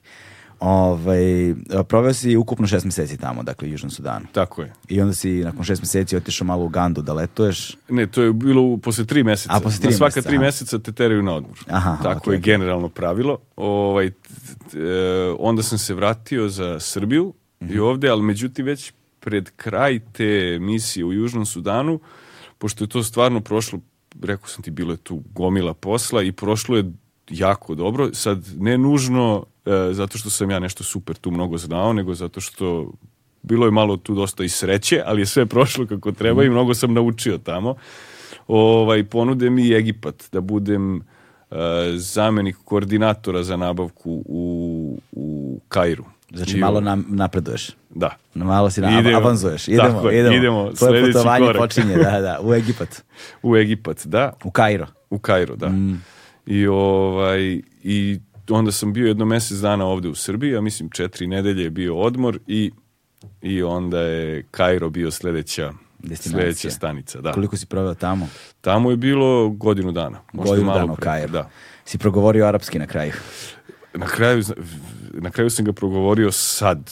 Stvarno? Ono, posle pet godina i življenja i mnogo boljih prilika da progovorim arapski, progovorio, probio sam sad ovaj, u zadnjih godinu dana. U Jemenu? U Jemenu, Jemenu. da. Haos. Ove, ovaj, a francuski? Francuski je ostao na onom nivou. Nisi mrdno iz, iz instituta ovde sam. To, to, dve kursa. reči kao. znaš da izgovoriš bonjour. lekari. Znaš, bonžuri lekari bez granica, to je to. Ove, ovaj, E, i pouč, kao, nakon ono nešto malo boravka jel te u Abidžanu, odlaska u Južni Sudan dva puta po tri meseca, malo odmora u Ugandi, ovaj, kao pretpo, pretpostavljam da si bolje spremljen ovaj, za pakovanje za Egipat. Ma, apsolutno, apsolutno. Da. Znaš šta, to je kao jako je bila zvanično viša pozicija u mhm. odnosu na ovo u Južnom Sudanu je bilo, nije bilo laganica, drugačije su tu stvari, onda ti ideš više malo strateški, ne konkretno ovo što je na terenu mm. i, i hands on da kažemo, da. nego malo se izmičeš gledaš, gledaš stvari iz druge perspektive, ali drastično lakše i fizički lakše, znaš, nisi više na 52 stepena u nedođiji, nego si u stanu, u Kairu, da, da. Imaš slobodu kretanja, da, naš da. mi u Karaj... Imaš internet. Ima, imaš sve, da. da. da imaš to. internet dovoljno dobar da prođe WhatsApp bez da se loaduje. da, to, e. Ali, s druge strane, uh, Egipat je jedno, od, od tih zemalja koje, oko, o, o kojima vrlo često uh, je ono negde usađena pogrešna slika, zato što to je jedna od onih zemalja koje su istovremeno i u dubokoj krizi i turistička destinacija. Da. Znaš, ono, imaš predstavu, jednu romantičnu verziju Egipta, znaš, kad ideš u Hurgadu, da roniš, e, po, kora, da snorkluješ po koralima, pozmetaš ribice, da obilaziš piramide i tako dalje, a onda imaš i drugi Kairo odnosno kaj je, drugi mhm. Egipat, drugi Egipat, drugi Egipat s kojim si ti vjerojatno imao veze. Pa Tako me zanima je. nešto više o tom Egiptu da saznamo. E pa taj drugi Egipat, znaš šta, to ti je isto, može se povezati sa, sa nama ovde isto u mhm. neku ruku. Oni su sada tamo pod e, totalnom diktaturom, ne mhm. sad, već izvestan broj godina. E, predsjednik Sisi, koji je, jel te, bio general, koji je izvršio puč, oni su imali te prve... prve, prve... Mubarak beše bio, koga su oni... Tako, je, da. Mubaraka, to je bilo na arapsko tako, proleće 2011. Arapsko proleće, tako, tako je, da. islamsko... Braća, da, bra, islamska, islamska is, braća dolaze isla, na vlast. Is, islam Brotherhood, ona islamsko tako braća, da, da, da. Dolaze na vlast, oni su došli na vlast zato što su bili jedini koji su funkcionisali u tom undergroundu u periodu pre toga. Jedina mm. organizacija koja je postojala, jedina alternativa ovima koji su do tad bili na vlasti. Oni dolaze na vlast, narod ubrzo shvata da je nezadovoljan i onda koristi Sisi, napravi puč i to je stvarno diktatura na, na, na jednom izrazitom nivou gde je sloboda govora ono na, na potpunom e, minimumu. Ja sam bio tamo za izbore, ti ne možeš zamisliš koliko je to smešno. Ovaj, za izbore ima jedan protiv kandidat, advokat neki kog su ljudi podržavali. Ovaj, uhapšen. Što je uhapšen? Sisi, predsednik, je u nekom trenutku hteo da pokloni Saudijskoj Arabiji dva ostrova u Crvenom moru. Na šta ovaj čovjek ode, naš ustav, to sve u sudu, pobedi na sudu, izlazi iz suda, pokaže ovako public indecency u zatvor. Aha. Nema protiv kandidata. Drugi protiv kandidat kog su ljudi krenuli malo podržavaju, neki general bivši, u zatvor ne može vojno lice da bude političko lice, a ovaj čovjek je bio general pre nego što je došao na vlast, Putin da, da. došao na vlast. I na kraju, ali ne može ni on sam da se kandiduje protiv sebe, onda se kandiduje tipa ko da se, ti i ja sedimo se ovako, postali smo super drugari ja ti krenem, Galeba, aj molim te, ajde izađi kao protiv kandidata. I sad ja se vozim po tom Kajru tih par meseci pred izbori, ti oni baneri predsjednika svuda, svuda, ne mogu da vidim ovog drugog lika. Ja pitam moje kolegi gde je, ma kao i vidimo jednom priliku, išli smo u nek, na neko pićence, rekao je ovo, evo ga neki drugi lik na, na baneru. Kaže, e, jeste, to je protiv I šta piše ispod? Kaže, naš predsednik Sisi radi savršenu, savršen posao, otprilike protiv kandidat i to je bila smjurija, 98% je čovjek osvojio na izborima nekako, ono, da, da. da. možda je bilo 95, možda sam te slagao, ali potpuno, potpuno sumanuto i funkcioniše, funkcioniše zemlja po tom principu teroristi hoće da nas unište, mi treba da ulažemo sve u vojsku, zato ste vi siromašni, jer vas ja činim bezbednim. Da. I to tako ide ta retorika u krugu, u onom Sinaju se dešavaju stvari, niko ne zna da li je to realno neki, da su to realni teroristički napad ili je to sve isto mm. orkestrirano, da bi ovi imali tu bukvalno vojnu kontrolu nad narodom, znaš ono, ide se u siromašne krajeve, vojska deli ono, piliće i to je to, bukvalno ono, ceo taj scenar zvuči previše poznato. Znaš, previše po, od izbora ovaj, do deljenja namirnica, ono, naš narodu. Znači, sve to i su više poznat scenario. Negde da, smo već videli. Da, to, da. negde smo to, ne znam ili... gde. Ne znam gde sam to video. Ali negde. Bio. Negde sam video, da. Negde setit ćemo, sam setit ćemo. Da, da, to, to. o, a, I tvoja pozicija tamo, tvoje iskustvo tamo, dolaziš u Kajru, ti slećeš u Kajru iz Beograda. Slećem u Kajru. To je direktan let, pretpostavljam. E, Nije bio, ja mislim. Ja mislim da sam preko Atine išao. Dobro, da. Ovaj, e, sve u svemu dolazim u, u Kairo. Kairo je monstrum. Ja da. sam u prvom trenutku ni ne shvataš koliki je to grad, posle jer sam tako, mm. volim da, da, da, da zujim, to je ono, ja mislim ima dvadesetak miliona ljudi, to je skoro tri Srbije. Da, da, da. Ako ne i tri Srbije ovaj, e, ništa, mi smo naravno tamo, uvek smo mi smešteni u tim nekim ono, mirnim delovima, u delovima da ima više stranaca. U Kairu imaš dva, za Zamalek, što je ono ostrvo na Nilu i taj Madi, mi smo bili u tom Madiju, to je onako lepo jedno mesto sa lepim, e, lepim zgradama, onako starijim zgradama, palmice i to sve, tu ti je Nil blizu, tu je kancelarija. Uh, i posle ovaj, sam krenuo da istražujem taj Kairo i shvatiš ko je to u stvari ono čudo. Jer ti ljudi, ljudi koji su iz Kaira, oni u principu ne znaju Kairo.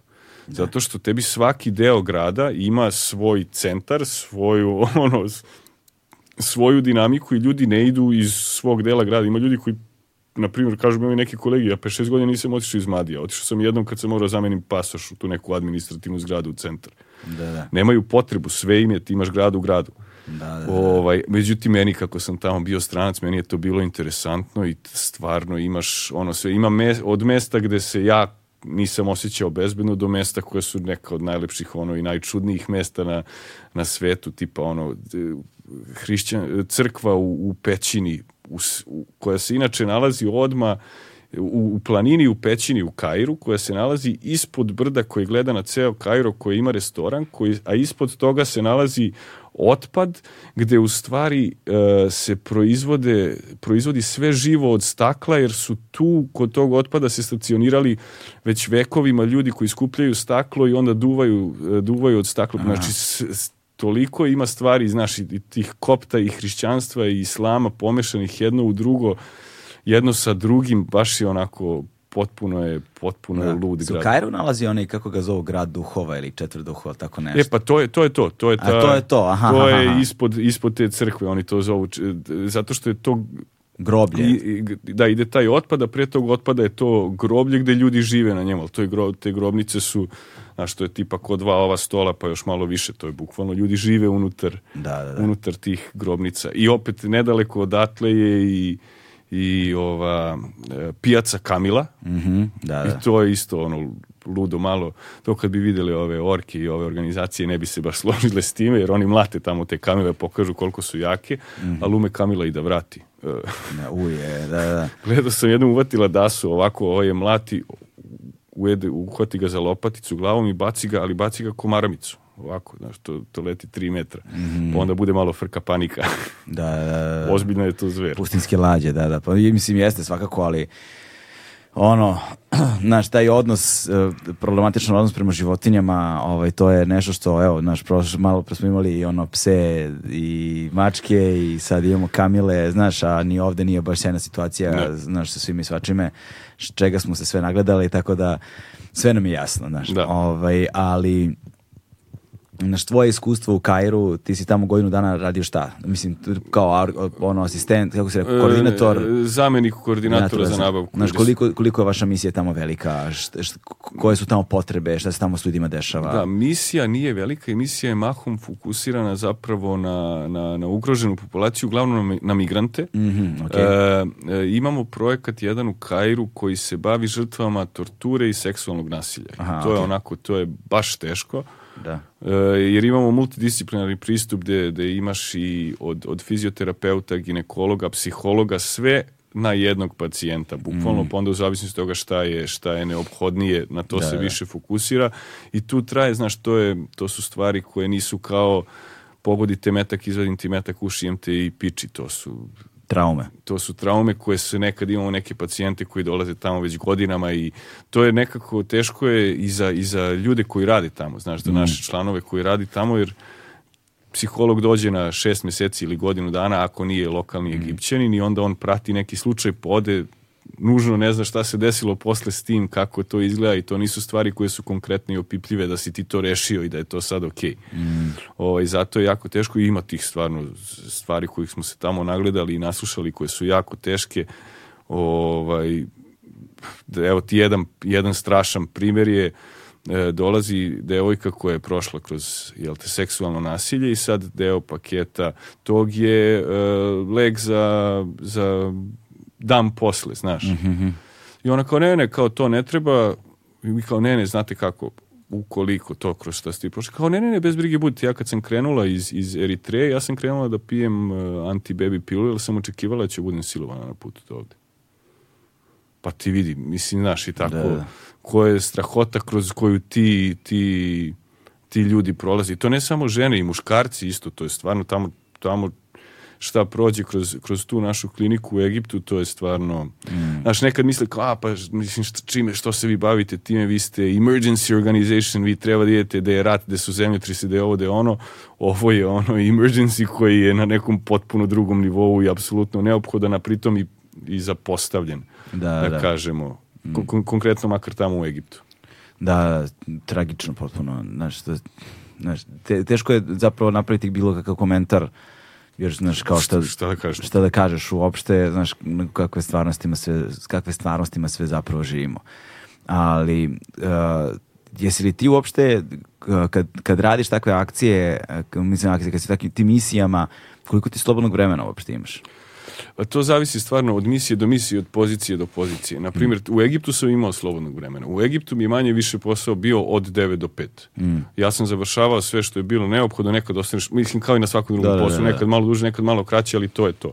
Tako da je tamo stvarno bilo lepo i vikend je bio pravi vikend. Mm. pokupimo se, odemo u Sohnu, odemo u Dahab, što je malo iznad Šarm Šejha, znaš, ideš na tako neke neka putovanja, živiš jedan normalan život, ali to je tako bilo u, u Egiptu, a pre toga u Južnom Sudanu je bilo potpuno drugačije, da je bilo ono 12-14 radnih sati dnevno i onda spavaš i ovo na novo vikend koji je tamo. Mi zvanično radimo 8 sati dnevno i to se, ali mislim ne možeš ti kad radiš takav posao ne možeš da ne radiš. Da. Ne mogu da kažem je sad doviđenja, da, da. meni je da, 5 sati, znaš da, kao šta, šta, da, šta si radio, šta, kad, koliko si slobodnog vremena u Južnom Sudanu uopšte imao, ako si ga imao? Pa uhvatimo tako, uhvatao sam nedeljom, na primjer, malo vremena crtao, da, pošto su oni vernici, pa roštilj, pa nedelja bude je, slobodna. Da. Tako je, da. I onda, i onda kad nema, kad, ili kad nemaš tih lokalaca, tebi su uglavnom ruke vezane, tako mm. je i mm. strancima bilo ovdje u Srbiji, kad sam ja bio lokalac, znaš. Da, da, da, da, da. da. Oni bez nas i mi bez njih ne možemo mnogo. Da, da, da. A šta radiš u slobodno, šta si radi u slobodno vreme u Južnom Sudanu? U slobodno vreme, e, tamo crtao, mm onda e, igrali smo futbal na pesku, jer smo imali neku baštu, ali je baštovan to potpuno zapustio, a igrom slučaja naručili smo neke dva, dva kamiona peska viška za nešto što smo zidali. Ja rekao, ajde izručiti to tamo na ovu livadu, livadu, njivu. Da, da. ovaj, I onda smo uzeli napravili neke ramove od onih e, tendi za kamione i igrali fucu da, da, da. Ovaj, na pesku, tamo drali noge na, na, na vrelom pesku Eh, odbojka, ping pong, onda zapijemo se isto, to je naš Gde nabavljate alkohol? I ima John, John koji ide peške u Etiopiju i dovlači alkohol iz skup koči. Ja, Zato što da. je Sudan je tu, u Sudanu tu pri pograničnom nije bilo nigde alkohola, ovaj džuba to avionom treba da dolazi, onda taj John je išao peške u Etiopiju i onda on dovuče, ali ti onda to lepo i i, I naplati. Da, da, da, da. da. ali čekaj, koliko on alkohola dovuče, šta, a to si, re, a rekao, to je nešto dva dana peške. Pa ne znam ja tačno gdje je John Deere. dva dana peške je bio to da je porodica ovog mog magacionera Aha, bila. Kad je on uzeo odmor, kao, ja rekao, pa dobro, da ideš kao u Etiopiju da vidim familiju. Gde je to? Kao, pa tu je blizu. Koliko? Kao, pa dva dana. Šta dva dana? A, John je verovatno negde bliže, ne znam. Da, da, da, ne da, znam da, da, tačno, ali sve u svemu dobro. Krene on, potegne i magarca ili kamilu, pa on to dobro natovari. Aha, jasno, I, ovaj, o, jasno. i on donese... I, i, Vi to ohladite? Ohladimo ga dobro i, i donosio je to E, donosio je pivo, Tasker, ono, Aha. južno, južnoafričko, donosio je nekog crno vino i uzo. Uzo, grčki uzo, uzo da, da. Grčki uzo u nekoj plastičnoj flaši otrov, naravno, bio. Ne. I posle smo uspeli da nađemo južnosudanski proizvod Gini Waker. Gini što Waker. je kopija Johnny'a Walkera. Pokazat ću ti slike posle, ovako na čepu piše umesto 12 years old, one 0.2 years old. Da. I onda Black Libile, a dole Black Liable umjesto Black Label. Pa ne znam, da, znaš koliko, je, znaš koliko je dobro. Iba naravno bakice umjesto dekice, ono, džinije, nije da, čovjek. Da, da, da, da, džini, da, da, da, da, čoveče, nevjerovatno. Ali to ono, ne piješ mnogo i oslepećeš. da, da, da, da, da, čoveče, nevjerovatno. E, si se sretao tamo, jel ima tamo, ovo, kako se zove ova biljka, negde zovu čat, negde zovu kat koji žvaću kao koren. Kat, ne, ne, da. nema, ne, to, je, to ti je Etiopija, Džibuti, Somalija, da. da. Eritreja i Jemen. Da, da, nema, nisi ovamo se po Egiptu sretao, nisi ovamo u Južnom Sudanu, ne, šta? to, to je došlo o, o, posle. To je došlo posle, da, da, da, da, ok, ok, ok. Ovaj, uh, odradio si godinu dana u Kairu, sve vreme si bio u Kairu zapravo, tako da. E, nešto malo i u Aleksandriji, jer smo pokušavali da otvorimo mm. još jedan projekat u Aleksandriji, jer smo imali tamo projekat koji je pokrivao um, zatvore, centre u kojima su zadržavali ljude koji su pokušavali da idu preko mora. Aha. Međutim, onda je Evropska unija dala podosta love i Turska, ja mislim čak, e, Egipćanima, Sisiju, da on blokira polaske iz, e, iz Egipta, tako da je i tu prestao, prestala potreba za tim našim projektom, jer kako ljudi nisu ni kretali odatle, onda nisu završavali u tim centrima, u tim zatvorima mm. zapravo, onda nismo imali kome da pomažemo, da, onda da, smo da. hteli da otvorimo uh, još jednu pre, kliniku za primarnu zdravstvenu negu u Aleksandriji, ali to se još nije desilo, ja sam otišao umeđu vremena, da, završio da. sam tih. Iz Aleksandrijske biblioteke. Da. Ove, ovaj, a, um, a, posle Egipta se, se pretpostavljam, opet uzeo malo neplaćenog odmora i došao nazad do Beograda, Tako je. Koja je to godina sad već? To Tako je, to je... Uf, 2017. neka 17, već. 17. sam, da.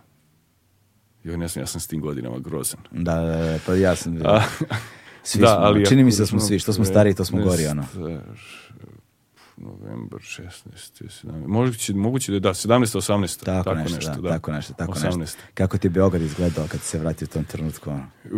pa izgledao je, da, jer ja tad godinu dana nisam bio tu zapravo, jer mi na svaka tri meseca imamo odmor, a tamo je bilo opet neke gužvice oko posla i na kraju moja porodica došla, vidi mene u Egipat, ja išao na odmor u Jordan umesto da se vraćam u Srbiju. Da, da. Ovaj, I onda, da, bilo je, bilo je, svaki put iznenadi nešto Mislim da tad nije bilo velikih promjena. Posle sam se šokirao kad je krenuo ovaj Beograd na vodi da se gradi. Ili je to već bilo tad? Ne, to je mislim već bilo. Nis, da. već, da, već je krenulo, da, ove dve su da, da onako da, da, polako da, nicale ona dva roga.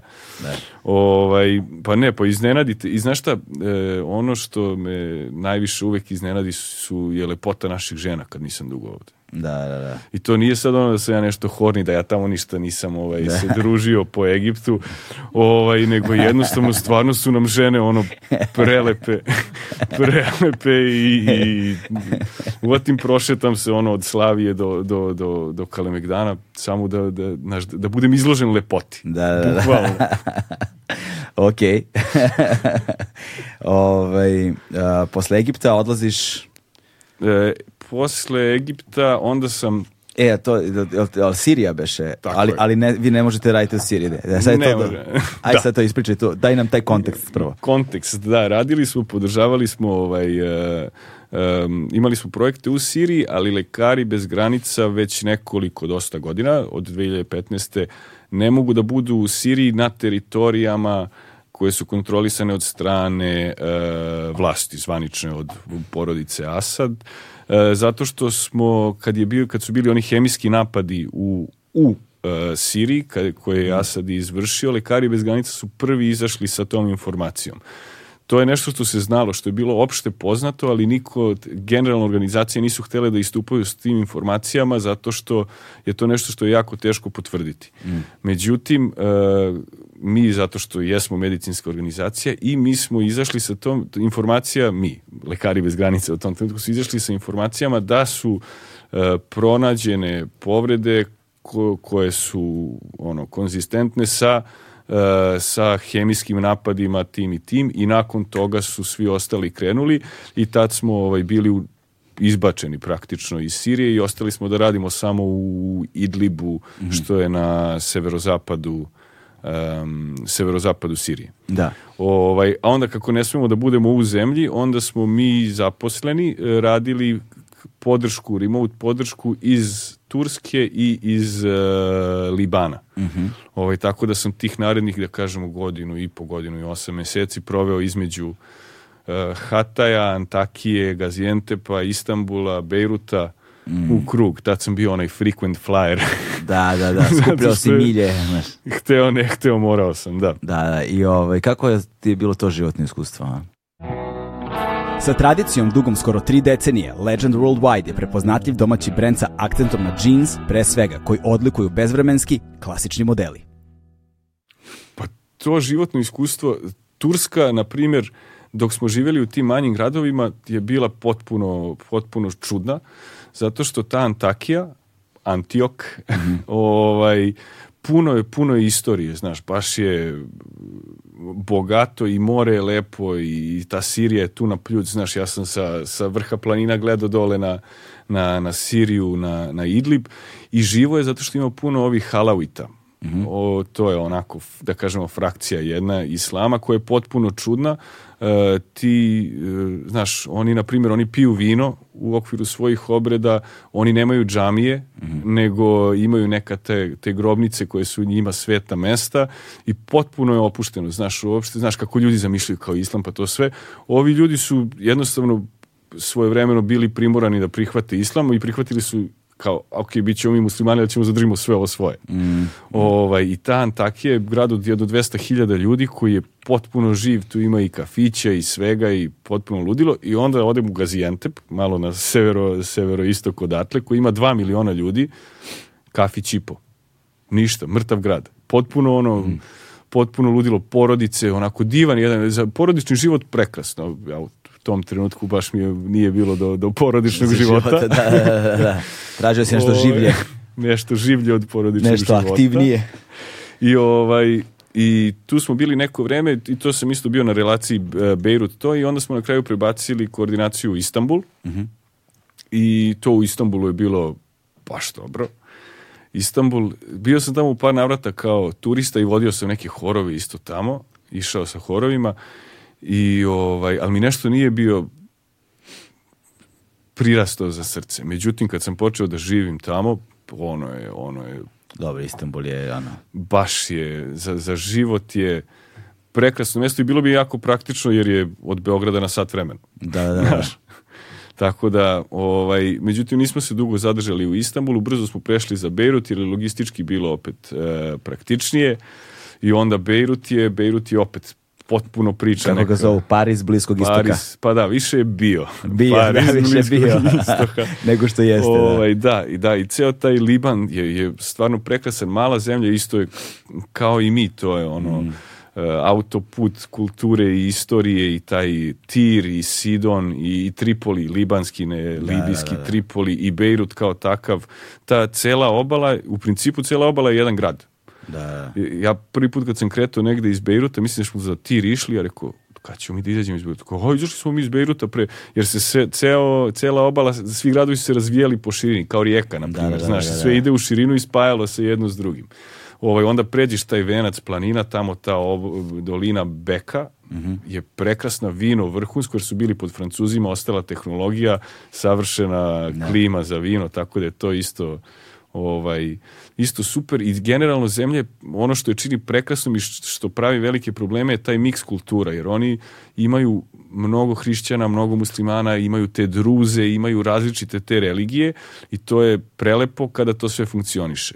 Mm. Ali kad ne funkcioniše, onda onda bude bude problematično, zato su imali ovo 70-ih, 80-ih, 90-ih ove ove interne probleme posle i sa Izraelom, ali ovaj generalno Bejrut je nešto najpribližnije Evropi e, što sam ja video na Bliskom istoku. Da, da, da. Definitivno bih rekao da je, da je to Bejrut, da imaš i, i, ono i klub, da izađeš i, i dinamičnu ono um, kulturnu scenu i muzeje i izložbe i stvarno je onako s te strane dobro mesto za život, jedino što je papreno bio skup. Sad su oni u ozbiljnoj ekonomskoj krizi, ali je baš bio papreno, papreno skupo. Stvarno, koliko? Ja sam, ja sam zapravo čuo obrnute priče o, cenama ono, u Beirutu, ali znaš, možda je to zato što smo mi ovde u Beogradu navikli sada nam je skupo, a, ovaj, a, ti, a možda je u Kairu bilo nešto jeftinije. ne, znaš šta, u Kairu, Kairu je drastično bio jeftiniji, jer, jer na primjer, ne znam sad, zato što oni zadnje tri godine stvarno imaju ozbiljnu ekonomsku da, krizu, da. tamo da. su, tako da je moguće da se sad situacija, ali dok je sve bilo normalno, dok je i valuta bila stabilna. Oni su tamo koristili dolar i, i libansku liru paralelno. Da, Potpuno da. bilo su jedno, jer je decerijama bilo hiljadu i pol lira jedan dolar. Znam da, da, da, da, da smo, da smo supruga ja, da, smo, da supruga ja tre, da je trebalo da idemo za Berice, da smo, mislim, kupili karte, bili iz nekog razloga nismo otišli. Zbog, zbog čega? Zbog čega već nismo otišli u Berice? A, da, ne, e, da, e, kupili smo karte za Beirut, bili trebalo da idemo i našli smo neki strava smešta i ono, sad gledaš po kojim četvrtima da nađeš, našli da. smo neku ono, hipstersku četvrt koja se zove, kako se beše zove? Ašrafije. Ne znam, zaboravili smo već ono, davno je bilo. Ovo, ovaj, I samo nam je Air Srbija otkazala karte. Bili, bio je direktan let i samo su kao ukinuli let. Jeste, to je verovatno bilo kad je počeli su i počeli paralelno i neredi sa ovom ekonomskom krizom. Ekonomska kriza, onda pa, su moguće da tako nešto neredi. ima nešto tako tri godine otprilike taman mislim verovatno da je nešto da je to, bilo, to, to bilo. Samo samo je ni otkud da mi smo kupili karte sve i samo su nam čk, otkazali karte i vratili to Kintu. Taj da, period. Da, da. Tad da, da si i Hezbola malo bio tamo, ili tamo mm. imaju to malo i šiti, suniti, se popišmanili, da li se, bili. Da, ali se sećam kad smo se nešto raspitivali među ljudima koji su bili i to, da, da su, svi su imali samo ono predivne reči da, da kažu o da, Miltonu, da, da. su baš bili oduševljeni i niko nije pominjao da je, za, da je skup. To više nisam čuo. Pa znaš šta, evo daću ti dobar primjer. Znači, ti kad radiš za Lekare bez granica, dobijaš platu i dobijaš dnevnice kad si na terenu, tako. Mm. Znači, ja dolazim u Bejrut i dobijam za mesec dana nekih 700 dolara dnevnice, mm. što je meni bilo sumanuto. Da. Mnogo. Ja rekao, ljudi, šta je bre ovo, ovo nije, znaš, mi smo lekari bez granica, nismo mi u enda sad tu, znaš, ne znam kako. I ovi meni kao, ne, ne, kako, ne. Kako low key prozivanje, no? A, što je, ne, ne, ne. se zeti. Da, da, da, da, da. ovaj, um, Rekao, znaš, stvarno mi je mnogo nešto novca bilo. I kao, ma ne, skupi Beirut, rekao, ma dobro. I sretnem, e, čujem se s drugarom kog sam upoznao u Francuskoj u Lionu na ovom kursu, A, on stvarno. Libanac, i ja ga se setim, rekao, ajmo na piće večeras, ja sad konto imam 700 dolara u džepu, razumeš? Sad je to. I sad nas dvojica sevrimo, ono, po, možda dva piva i jedan šotić, ništa sad spektakularno. Dudu šot, to je libanski, libanski koktel Dudu. E, Dudu, da, da. Šta je to? E, vodka, limeta, e, dve, tri kapi tabaska i maslina bez koštice. U, u mali šotići, samo... Dudu. Suš, mnogo je dobro, da, da, da. probaj. Ovaj, Šta si rekao, vodka, limeta, dve, tri kapi tabaska i maslinka bez košpice. Maslinka bez košpice, I šta, da. sve suneš i sažvaćeš? Suneš i onda sažvaćeš, ono te ljuto, ovako te ode, ona maslinica pušta, onaj sokić, mnogo je dobra stvar. E pa vidiš, to ćemo baš da probamo možda čak i danas. Jel imamo vodku? Ili Mislim da imamo, da imamo dobru vodku, limete imamo, tabasko nemam, kupit ću ga, maslinke imamo. Eto. Tako da... Eto. Eto, eto. To ćemo večeras, a? Može, može, ajde. I, ovaj, I sad, to je znači sve ukupno 4, 5, 6 pića, dolazi račun, ja kao ne, ne, ja vadim ovako 120 dolara. 120 dolara. 6 pića, 2 šota. Da. Znači, baš, baš je onako bilo, bilo šokantno. I to nismo mi bili u, u tim fancy krajevima i u fancy klubovima, nego smo otišli u Radio Beirut kafe, ono, no, no, mm. normalno nešto, da, normalno da, da. neko mesto u gradsko. Tako da je baš je bilo, meni je to ostalo, sve sem bio jedan komunistički bar, mm. koji je držala neka baka, u stvari držao je njen muž, onda je on umro, imaju i sliku Tita, naravno, sve to je ono, osam kvadrata u koje stane sve, ona samo seče šargarepu i sipa piće. Da, da. To je to. Šargarepu je delila u sve, u, isto u limunu. Ovaj, I tu je piće bilo onako neke, neke normalne cene, prodavnice. Prodavnice su isto bile skupe, to mi isto ostalo, da. jer ja generalno cene nešto baš ne gledam preterano, niti idem preterano u prodavnicu, ali znaš ono kad potrošiš ono 50 dolara prazna ti kesa, to mi je bila neka merka. Da, da, da da da, da. da, da, da, da, da je ipak skupo. Da je ipak skupo, brate. Znaš, koliko si dugo bio u Beirutu? E, pa u Beirutu sam bio jedno pola godine ili 7-8, možda čak i 8 mjeseci, 8-9 mjeseci. Da trebao sam biti duže, da ostane duže, međutim tad sam ja ukinuo sam svoju poziciju, jer sam tad... Koja je to pozicija bila? Tu si ja već... sam u Siriju otišao kao koordinator nabavke, međutim onda su mi ponudili ubrzo posle da budem zamenik šefa misije. Mm -hmm. I to sam prihvatio i onda sam skonto dok smo još bili u Turskoj, ovaj, tad sam prihvatio taj, e, tu poziciju, to je trebalo da bude na godinu dana, skontam da ta pozicija uopšte nije neophodna ako šef misije radi svoj posao. A ja sam imao Italijana koji je stvarno bio car i mnogo sam od njega naučio. Da. Ali baš nije voleo da radi. baš nije voleo da, da, radi. Svi smo gledali seriju Alo Alo, znaš kao, znamo kakvi su Italijani. ne, ali ovo je, ovo je, ovo je onako specijalna priča. Čovjek je humanitarac, već 30 godina prošao je sito i rešeto.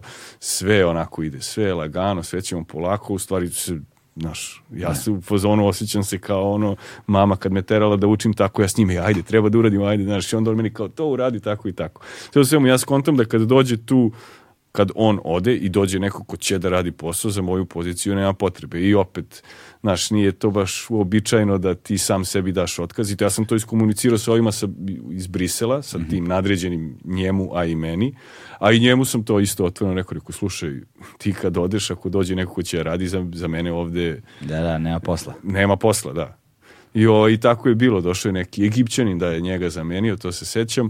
I onda tu mesec dana i on je kao, pa neka, ostani ti, ostani ti. Rekao, uradili smo handover, stvarno, mislim, neću da sedim ovde da, da, da ne radim ništa i onda sam se da, da, da, da. Sa, samo otpustio u neku ruku mm. ovaj, dok sam radio to u Libanu i onda sam uzeo debeo odmor. Onda sam uzeo jedno šest meseci, kao i sad. Da, da, da, da ovaj, da, da, Baš je e, A reci mi, rekao si mi da si bio do Džibutija, šta si tamo radio?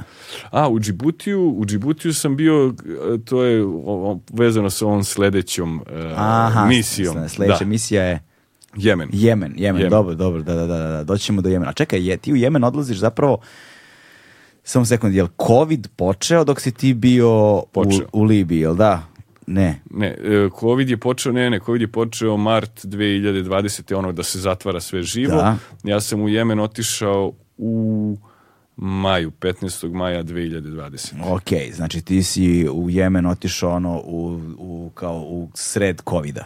Da, da, ono da, kad je da. bilo najgrđe. Najgrđe kad je bilo. E, da. E sad mi reci, da, to, ti si, znači, a, a pre toga je bilo šest mjeseci pauze nakon ovoga, da? Da, u stvari nije tačno, da, radio sam jedno mjesec, dva u Briselu u centralu. Aha, okej, okay, okej, okay, da. Posle ovog Libana sam radio, tamo me zamolio taj što je bio glavni za nabavku za Bliski istok. Mm. E, on je dobio neko, ono, paternity leave, očinstvo, da, da, odsustvo ovaj, pa me zamolio da ga pokrivam, pa sam onda radio to iz, iz Brisela za ceo Bliski istok sam pokrivao te, mm -hmm, ove da. koordinatore što sam ja bio do tada. Jasno, jasno, jasno. jasno da. ovaj, jedno dva meseca i onda usledio taj odmor uh, i u, zapravo tad kad sam radio u Briselu, da, ja sam u Jemen hteo, Jemen mi bio jedna od lokacija koju sam hteo da idem odavno.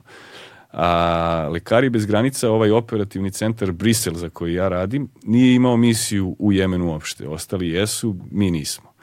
I tamo dok sam radio čujem da taj emergency pool, to su ovi što idu tamo da je, da je najjače i kad su te neki veliki problemi, zemljotresi i tako to, ja čujem kao da su oni preuzeli projekat od ove Parijske operativnog mhm. centra u Jemenu. Da ja odem kod tog e, Dase koji je bio tamo glavni za logistiku. Tad mi je bilo malo operacija, o, zamenik šefa misije, malo mi je bilo dotle. Hteo sam da se vratim u komfort zonu, u nabavku. Da, da. Ja odem kod njega, reko, čujem da, da smo preuzeli projekat tamo, reko, ako ti treba neko za nabavku, ja sam od maja slobodan. reko, hoću, uzmem malo vremena da danem dušom. Jao, i vrh, kaže, ti bi u Jemen, ja rekao, ja bi. I to je to, tako da, se da, da. zapečatio. Šta, nije, nije bilo dobrovoljaca za Jemen, a? Pa, u tom trenutku, u tom trenutku je bilo, posle je bio problem sa ovim covidom je bio pakao. Ja sam putovao 5 dana do Jemena. Wow. Na. Da. Pet, da. E sad, sad, e sad, zapravo, glavni razlog zašto si ti ovde u suštini je Jemen. Zato što a, Jemen je toliko važna tema i to veliko, toliko velika tema, ovaj, a, a o Jemenu se tako malo priča. Znaš, taj sukob u Jemenu koji traje sad već nekih nešto skoro... Da, ako ste, kad sam kažem, skoro, de, skoro 10 godina, znači, traje. Ove, ovaj, sad ono, i kad se desi nešto kataklizmično u Jemenu, to je ono stubak od kao četiri, ono, reda. četiri reda teksta u ono pre sportskih strana, znaš, da. to je to, znaš, nikoga ne zanima bukvalno. Ovaj, a jedna od najvećih humanitarnih kriza na svetu se trenutno dešava u Jemenu. Da. Ovaj, a pored toga, isto kao što je i sa Južnim Sudanom, ovaj, a možda još i gore, tek se o Jemenu ništa ne zna. A zapravo Jemen ima strahovito bogatu kulturu, ovaj, arheološku, ono, a, de, znači, znači izvor arheoloških ono iskopina do kojih ne može se dođe zbog situacije, pritom je pred strahovito bogat i Jemen je ono vrlo zanimljiva zemlja ovaj, na, na svetu, ali kao teško da nađeš nekoga ko može da ti priča o Jemenu koji je bio tamo. Jeste, tako, da, je. tako da, sa, ovo me sad potanko zanima što detaljnije možeš. A, priprema za Jemen, jeste imali kao taj PP, kako si rekao? Ne, ne, taj PPD da ide samo pred prvu, pred prvu misiju. A samo pred prvu misiju, da. sve da. ostalo je samo po automatizmu. Idu a... briefinzi, i ti dobiješ te dokumenta i to sve, te pap, e, kompletnu papirologiju, mm -hmm. bezbednostne procedure, sve to. Ti potpi, za Jemen se, na primjer, potpisuje i consent form, ono, da, da prihvataš rizike da, da, da, koje, kojima ćeš tamo potencijalno biti, biti um, izložen. Ovaj, ne znam, taj Jemen, u principu meni je najteže bilo da odem odavde. Aha. Zato što je počeo COVID, maj je bio, ja se sećam, sedim u tu, dobro, neću reći u kojoj kafani jer je trebalo biti zatvorena. Da, da, da, da. da. ovaj, i da, da, ovako... bile su te, bile su vreme covid te, to mi je žena rekla, pošto ona, ona, ona izlazi, su bile te tajne kafane, ono, koje, kao, znaš, kucneš na vrata, pa ti očkrinu, pa ti uđeš, ja to ništa ne znam, ono, ne izlazim nikad nigde, ali, znaš, to je, to sam čuo da je bilo svuda po Beogradu. Bilo, bilo. Da, da. E, I ovaj, kucnem ja tako, znaš, i da. sedim u, ja tako neko ide se kuca i stižu mi karte, stigne mi karta lupam preko Pariza, otkazana, preko ovog, otkazana, preko, ali bukvalno kako mi, oni mi nađu kartu kao koju može, jer mi smo bili van, bili i dalje smo van EU, da. pa ovaj, je bilo jako teško ući i na kraju to je jedno 14 dana trajalo, ja mislim, ja tako mi dolaze te karte, a pritom sam morao da prođem kroz Brisel zato što ovde u tom trenutku PCR se čekao mm. dosta dugo, a meni treba PCR ne stariji od ne znam nijako. Na kraju sam ja išao Beograd, Amsterdam, mm -hmm. u Amsterdamu na aerodrubu ja i oni graničari otprilike, jer su mi ovi iz Lekara bez granice napravili neko pismo da je neophodno za pomoć u Jemenu i tako smo na kraju i uspeli da me izvučemo odavde. Onda vozom za Brisel, pa u Briselu radio PCR test, zato što smo mi tamo imali COVID projekat za beskućnike u Briselu, Lekari bez granica, i onda sutradan to stiže, stiže negativan, onda voz za Pariz, Charles de Gaulle isto prazan, nas deset što idemo ka, ka Jemenu. Si pravio fotke praznog Charles de Gaulle, jesam, ono, i to, jesam, zašto imam, su ipak, da, da imam, da, to imam. su ipak ono, trenuci koji se vjerojatno neće ponoviti, ja, da, do, do, do neke sledeće kataklizme. kataklizme. Da, da znaš. O, ovaj, I onda odatle je bilo za za Addis Abebu, da, za Etiopiju, mm -hmm. pa onda noć u Addis Abebi, pa onda tek let za Aden, za, za Jemen. Mm. Tako da je to bilo klackanje. 4-5 dana sam ja putovao odavde do, do, do Adena. I a, na letu za Jemen ti sami piloti, ono?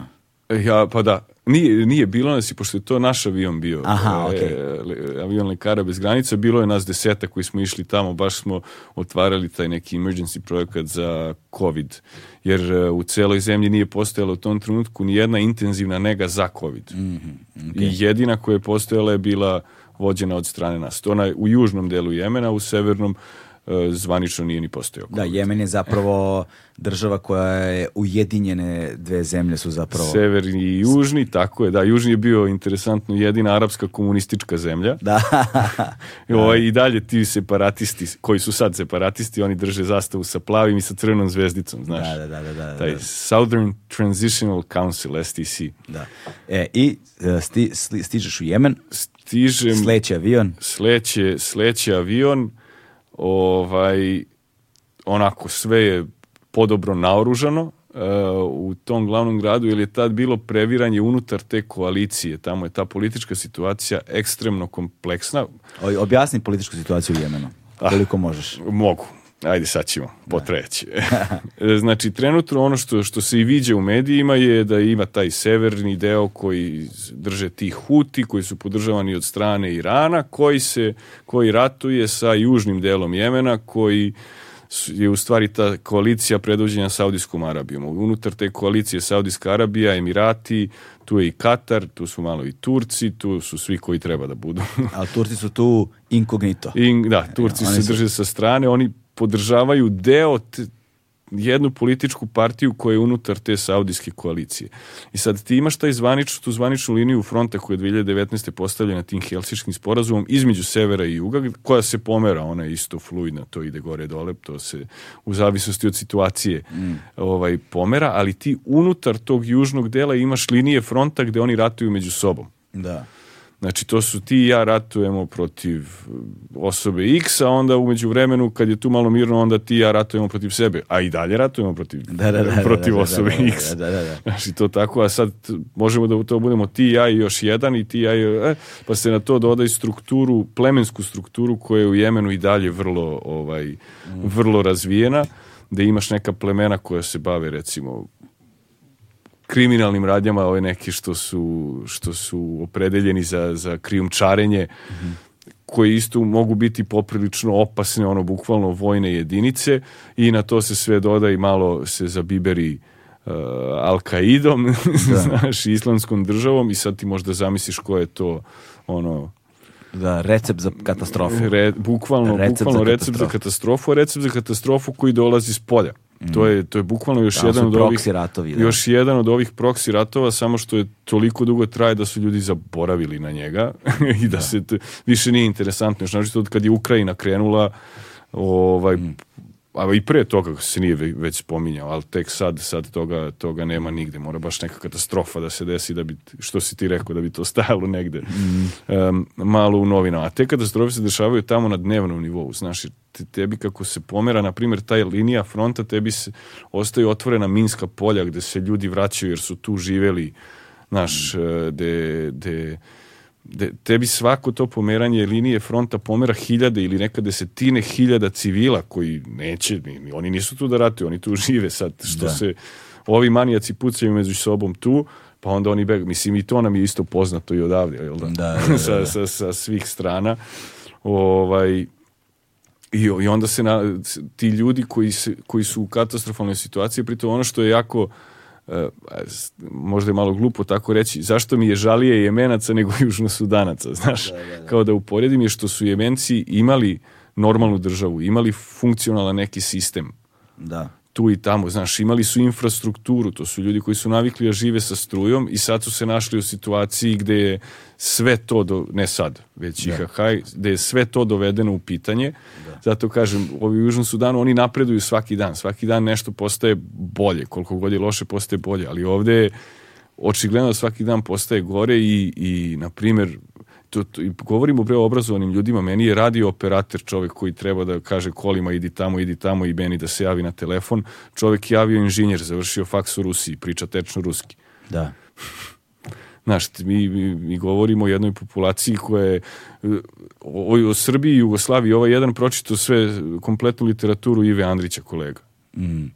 Ja u šoku, ja nisam, da, priznajem. Da, da, da, da, da, da, da. A on je, odakle?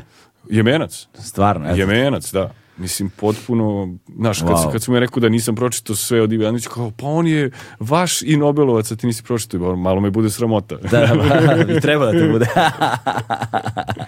Realno. Jasno, jasno, jasno, jasno, pa da to je, znaš, ali dobro, nama je tu Andrić ispred nosa i nekako celog života i onda kad je to nešto tu, onda, onda sve lako ću, lako ću, lako ću i nikad na kraju to ne dođe na red, znaš. Ali to je poznat sindrom. To je poznat sindrom. Ovaj, znaš, tako da je to strašno. Isto pričam isto sa, sa jednim od vozača i sad jer ja, ja, od tih ljudi lokalnih dobijam najviše, to je ono što meni treba. Ja, i, da, i, pa, evo ti ovde sabrano dela, pa znaš, možda počneš. Ne, ne, ne, Oplavo iza toga. Dosta sam prešao, znaš.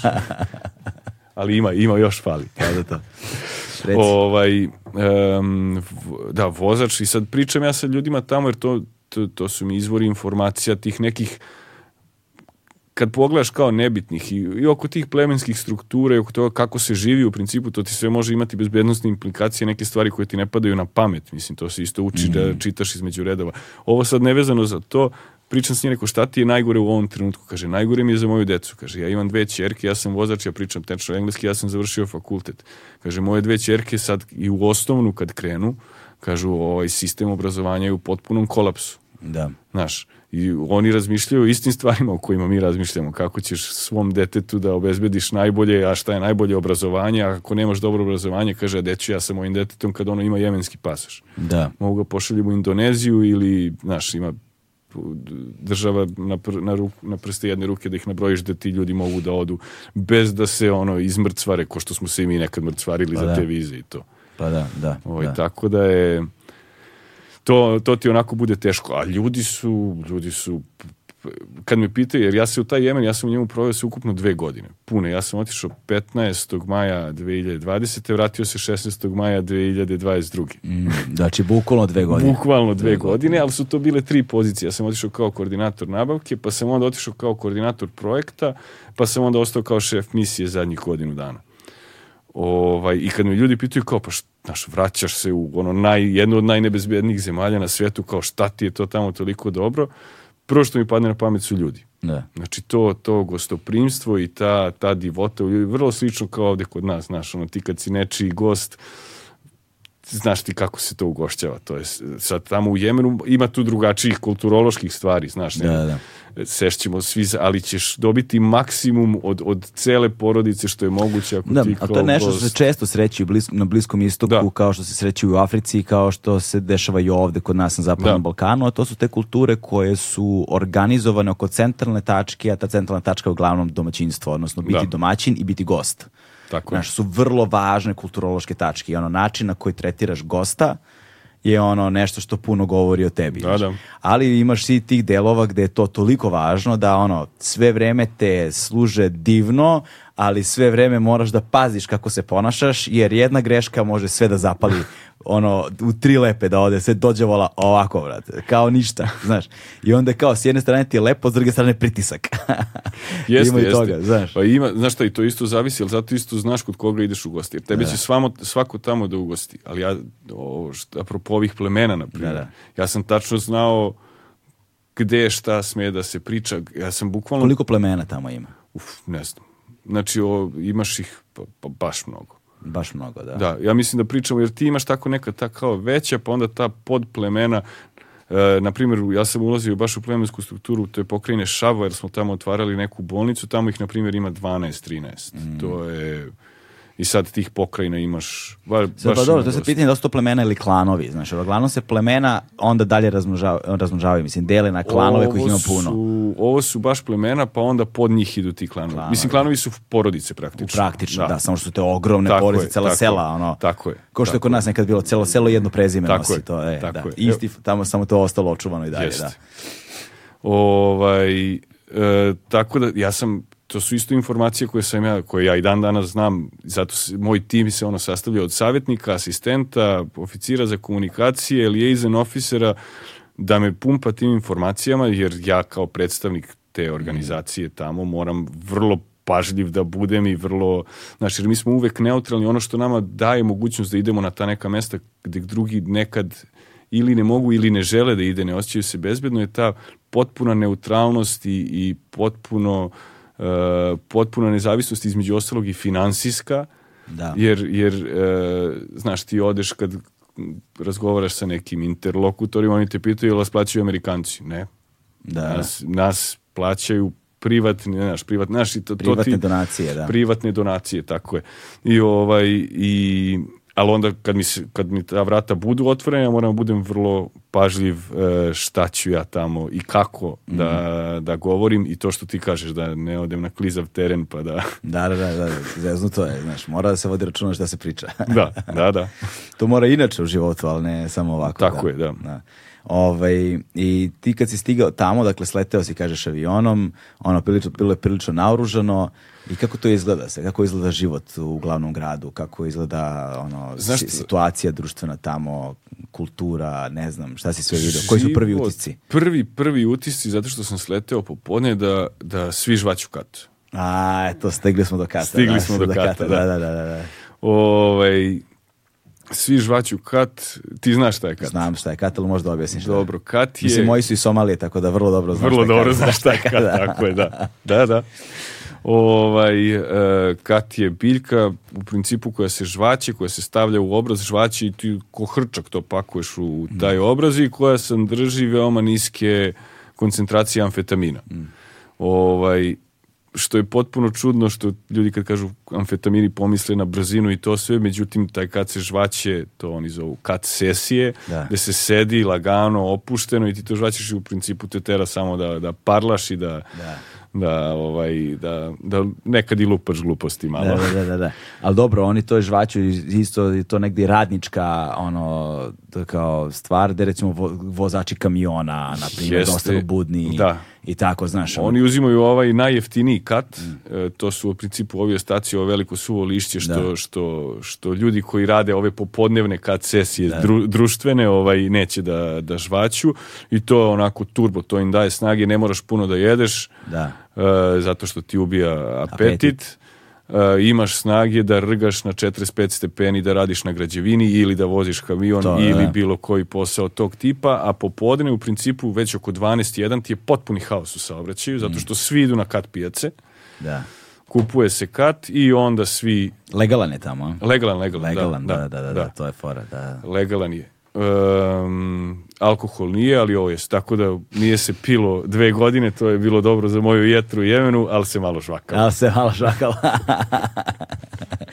Ove, ovaj, I, dakle, prvi utisak je, kaže, svi zva, z, z, žvaću kat. Da, da. I to je, na primjer, to je isto jedna stvar koja je posljedica ovog rata u neku mm. ruku, jer e, ranije čak postojio zap, zakon na jugu, e, na jugu Jemena da se kad smeo žvakati jednom e, nedeljno, bio je tipa sreda je bio dan kad sme da se žvaće kat i bilo je zabranjeno žvakanje na ulici. Mhm. Međutim, sa, sa svom tom, sa svim tim e, previranjima i u tom glavnom gradu Adenu, privremenom glavnom gradu, glavni grad je Sana zvanično, ali pošto je on pod kontrolom Huta, privremeni glavni grad je Aden, ovaj, sa svim tim ludima, jer su tamo neki delovi Adena su bili pod kontrolom Al-Kaide u toku mm 2017.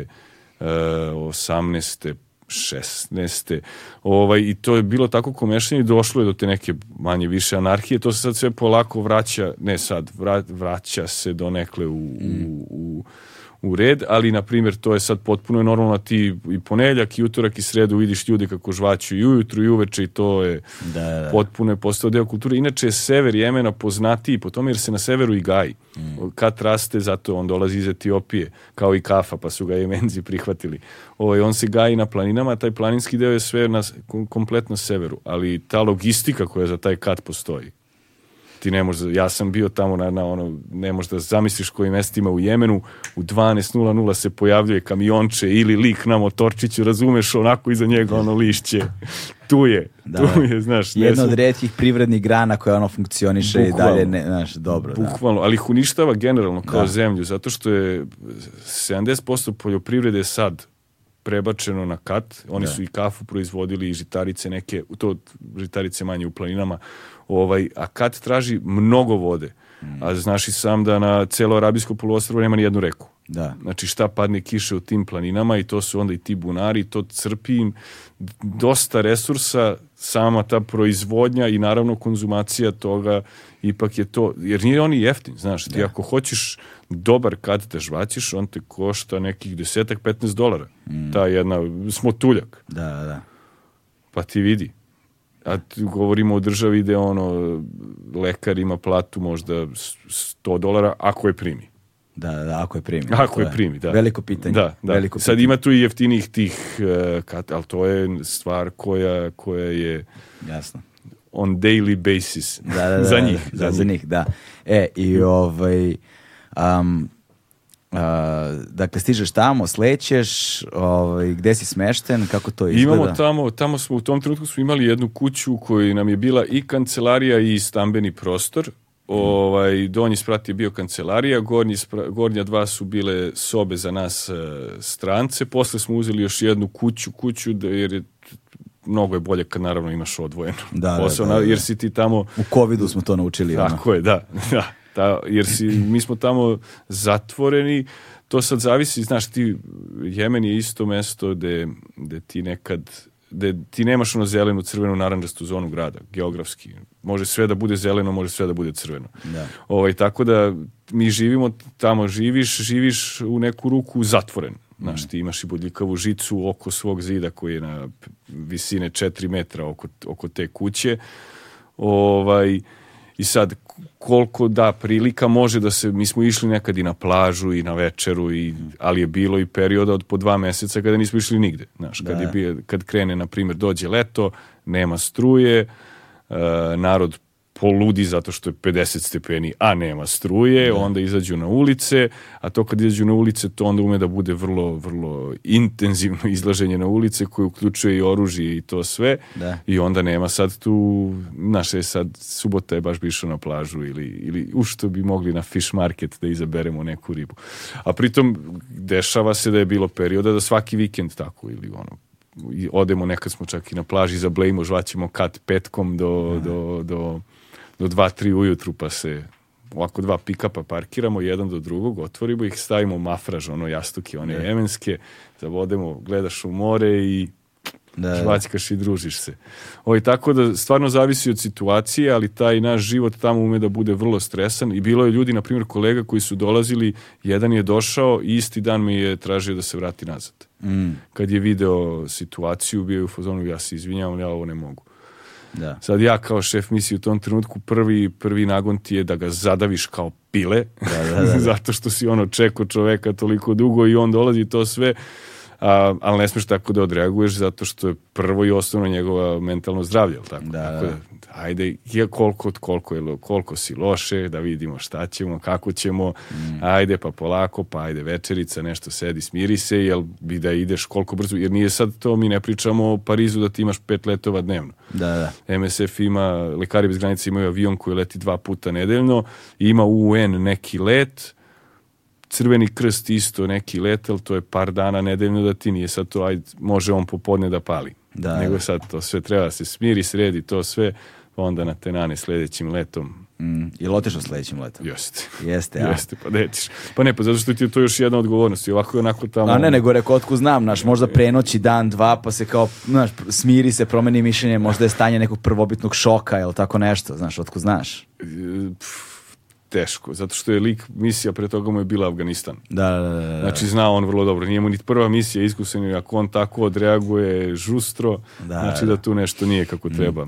I dakle ti Glaš. dolaziš tu, ono, prvi dan smeštaš se u tu kuću, ovaj, prespavaš prvo veče, sutradan počinju aktivnosti, verovatno. Naš, Tako je. Ono, prve, verovatno je kao i svuda, ono, kad odeš prvi dan, prvo veče, ono, kao velkom, znaš, kao veče dobrodošlice, upoznavanje, Koliko ljudi vas je tamo bilo? Nas je tamo u Adenu bilo je sedmoro. Sedmoro, na što, dakle svi ste se tu već ono vrlo brzo upoznali, da. skapirali, da. ono, dugo ste u, u, u, sistemu, znate kako funkcioniše sistem, software, sve živo.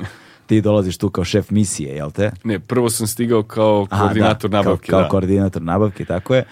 I, ovaj, I koliko si ti zapravo slobodnog vremena u Jemenu imao da, da, da bi ono, eto, provodio vreme, upoznavao ljude okolo, koliko si se kretao okolo, šta si sve video, znaš? E, sad, to se isto Priča deli... o Jemenu. Da, to se isto deli na to prvih tih e, sedam meseci kad sam bio koordinator nabavke, nisam toliko. Mm.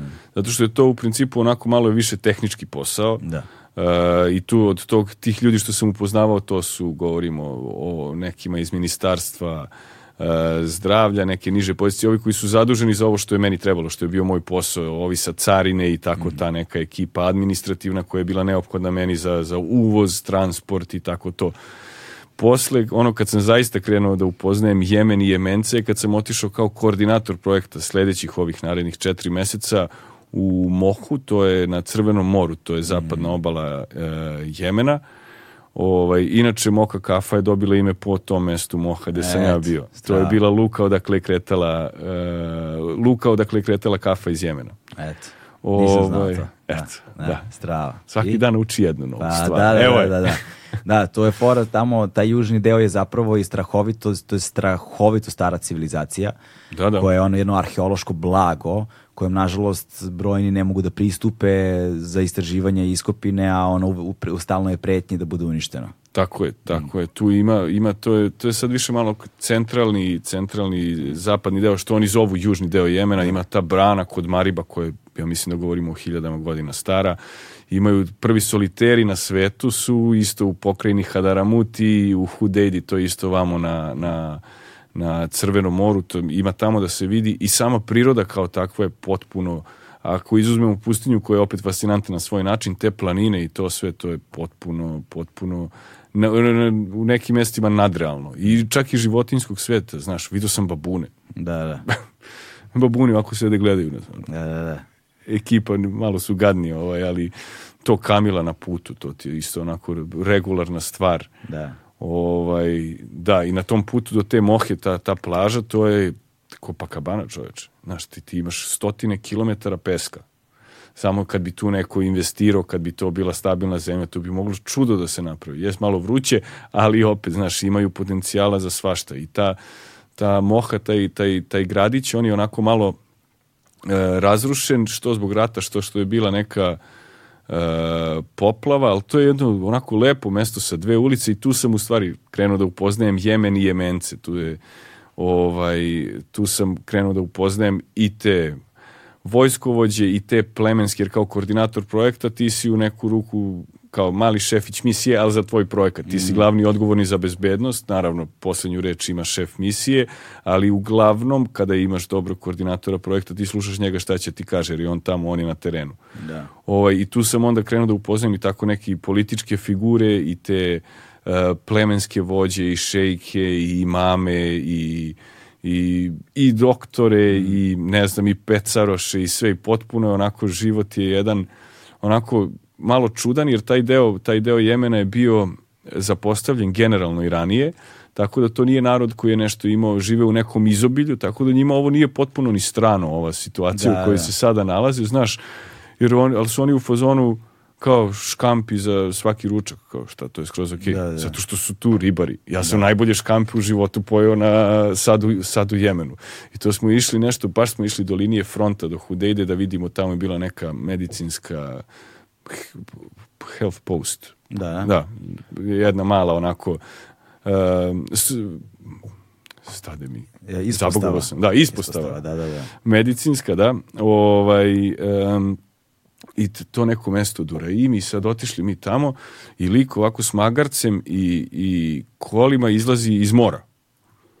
Znaš, kolica, ona vuče magare i ja rekao, šta je sad ovo? Ono, puno škampa.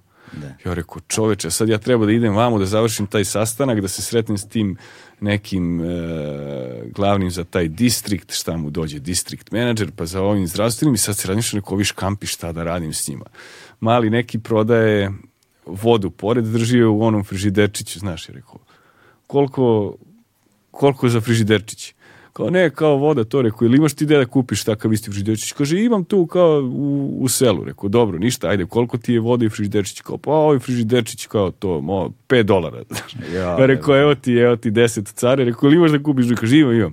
Uzmem ja to, potrpam one škampe, posle nam napravili tamo neki u restoranu u tom mestu Hoha, malo južnije, mm. gde smo bili smešteni. Znaš ti šta je to? Znaš ti kako je to? Pa, mislim, izašlo tek iz mora prirodno onako. Da, da, da.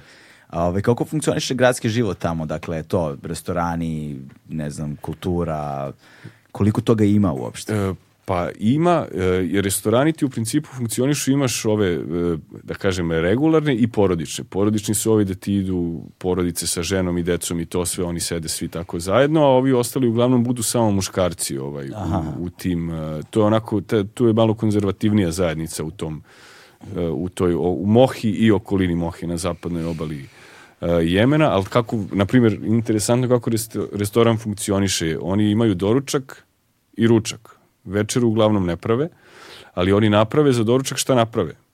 I to jedeš i ako dođeš malo kasnije na doručak, nema. Da. Idi, idi drugde, idi dalje, traži. Ručak isto tako. Naprimjer, ja sam imao omiljeno jelo, to je neki mazmum se zove. Mm. Jagnjetina, to to pleme Tihama pravi jagnjetina u metalnoj nekoj, kao, slično kao naša jagnjetina ispod da, sača. Da, da, da, da u metalnoj nekoj kofi, pa to oni u tu neku zemlju ubaci, to se raspada onako da. prekrasno. Da. ja, ako dođem u 12 i 15 u taj restoran koji nam je preko puta bolnice, preko puta gde sam ja radio, 12 i 15 nema. Možda da. jedeš piletinu, znaš, ili nešto što nam je ostalo, ali ovaj mazmum je nestao. Da, da Tako da, da. da bukvalno ono sediš, čekaš da se otvore i, mm. i idemo. Mnogo pirinča, imaju jako lep hleb, Hobbs ga oni zovu, i Hobbes ratab, to je onako gužvani hleb, znaš, Aha. ne da, ne da mu da napravi koricu, nego to je, na primjer, ja to i to janje, i oni humaka isto imaju raznoraznih nekih, to je... Ja sad sam ogladneo, brate. Bukvalno sam ogladneo sada. A od, e, ono, kako si provodio slobodno vreme, od kulturnih dešavanja, znaš, čime se ljudi bave tamo u slobodno vreme, Znaš, šta je sve dostupno u Jemenu, koliko, znaš, koliko oni veze sa svetom imaju, koliko, je, koliko su dobre veze, koliko su uopšte naš, u koraku sa savremenim društvom danas, s obzirom na situaciju tamo posljednjih osam godina. Da, e, to ti isto zavisi od, od, e, od regiona, od dela do dela Jemena, na primjer. Mm. Ljudi u glavnom gradu, e, generalno su svi svuda povezani, znaš, ti imaš interneta tamo svuda, nije to sad jasne, jasne. kompletno odsečeno kao ono u Južnom Sudanu ovaj, ima 3G negde, ča, sad uvode polako 4G mreže, to se isto gubi, dođe pa ode, nije, nije sporno, ali znaš što funkcionišu, imaju Facebook, Instagram, imaju sve, sve da. te društvene mreže, nije sad to nešto potpuno odsečeno. Naravno, u u okviru tih većih gradova je život više liči na, na, na naš život ovde, u okviru manjih mesta je to uvek drastično konzervativnije mm. i onako zatvorenije Um, ali, ali je na primjer Aden tamo u slobodno vrijeme nemaš ti puno šta da radiš. Uglavnom šta rade porodice idu na plažu popodne ili uveče zato što tad malo zahladi. Imaš ono neki luna park tipa kao ovi naši momci odu igraju futbal, igrali smo i mi malo futbala tamo ovaj, ono, iznajmiš teren s veštačkom travom. Ima takih stvari. Znaš, nekad ljudi pomisle kad ti pričaš rat, rat, da je to konstantno neko bombardovanje. Mislim, ti sad u Kijevu ti odeš na kafu, nije sad da ti... Jasno, u, da, da, da. Da. da, svi u Kijevu sede 24 sata u, u, podrumu. Da, da, da. Ovaj, tako je i vamo. Ima trenutaka kada je, kada je napetije, kada je opuštenije, ali ovaj ljudi u neku ruku žive normalan život kao, kao i mi ovde. Odu u tržni centar, imaš mm. tržnih centara isto, da. To su da. ove moje koleginice, na primjer, kad je ok situacija, ali možemo u tržni centar, naravno, pičite. da, da, da, da jasno, jasno, jasno, jasno. A, ka, koliko je, kakva, je, kakva je njihova valuta u odnosu na, na, na ne znam, ono, euro? Na primjer, e, real, znaš šta, on vrlo, Varira. inflacija im je jaka, da, i imaju, to je, ti kad gledaš južni i severni Jemen, koji zvanično je sve jedan Jemen, ali oni imaju različite ekonomije. Ovi na severu, oni su prestali da štampaju pare kako je konflikt počeo i njima je valuta stabilnija. Jako govorimo o istoj novčanici. Da, da, da, da. da. ali samo je proizvedena gore na severu, njima je stabilnija, on, ja mislim nekih 600 ili 500 prema jednom dolaru, a, a vamo na jugu je otišlo sad preko 1000 podina, 1000 i po, pa to, ali i taj fore u tome, na primjer, što Narodna banka Jemena ne daje zvanični kurs. Ne daju zvanični kurs zato što na njihovom sajtu ti stave kurs sa crnog tržišta. I oni kažu, to nije zvanični kurs, to nije naš kurs, ali to je kurs crnog tržišta i to ti stoji na, na, na sajtu Narodne banke Jemena, znaš, zato što ne smeju, e, jer oni prave budžet prema nekom kursu koji je potpuno sumanut, nerealan, da bi to moglo njima sve da se uklopi, jer budžet nemaju, znaš, zemlja ekonomski zavisi od, od, od donacija i od Saudijaca i od Emirata, zato im se i dešava to sve što im mm. se dešava, ovaj, i taj, taj jemenski rijal samo ide. Da, koliko je veliko zapravo tamo siromaštvo, tačno, pošto se o tome govori o gladi i u Jemenu i... Pa i to isto zavisi, kažem ti, e, ti ova srednja klasa, da kažem, u neku ruku ne postoji. Mm. Siromaštvo je ogromno i zato to je isto još jedna stvar koja podspešuje taj rat, jer tebi ono što je prvo i osnovno bitno za rat je da imaš ljudi, jel tako? A da. tamo imaš ljudi zato što ti je ići u vojsku jedan od jedinih stabilnih izvora prihoda. Znači, ili radiš za neku humanitarnu organizaciju, ili da ideš u vojsku, dobro, ili da si kriminalac, to je svuda, ja bih da, rekao, da, stabilan da, da, izvor prihoda. Da. Ovaj, ali... I, I te vojne frakcije, njih plaćaju naravno direktno Saudici, direktno Emirati, direktno uh, Katarci, to, znači te pare dolaze i to ti je bukvalno jedini stabilan izbor, jedan od jedinih stabilnih izbora prihoda i onda ti ljudi idu šta će mučeni na, na front. Uh, E, da obezbede isto svoje porodice. Jer tamo e, porodica je sve. Sve se vrti oko porodice. Znaš, ono, sinovi ostaju sa očevima i majkama, pa tu dolaze žene, pa se ta familija širi, ta kuća se širi, ta, znaš, žive tako baš u, u, u porodičnim zajednicama. I onda jedan pomaže drugog, pomaže trećeg, znaš, tako da oni uspevaju, oni funkcionišu, ima gladi, e, mi isto na terenu viđamo neuhranjene dece, imaš one muak testove, vrlo jednostavne sa, sa, sa merkom na ručicu s obzirom na to koje dete doba koji ti kažu koji je nivo neuhranjenosti. E, ono što smo našli na zapadnoj obali Jemena je da je negde oko, e, koliko je beše bilo?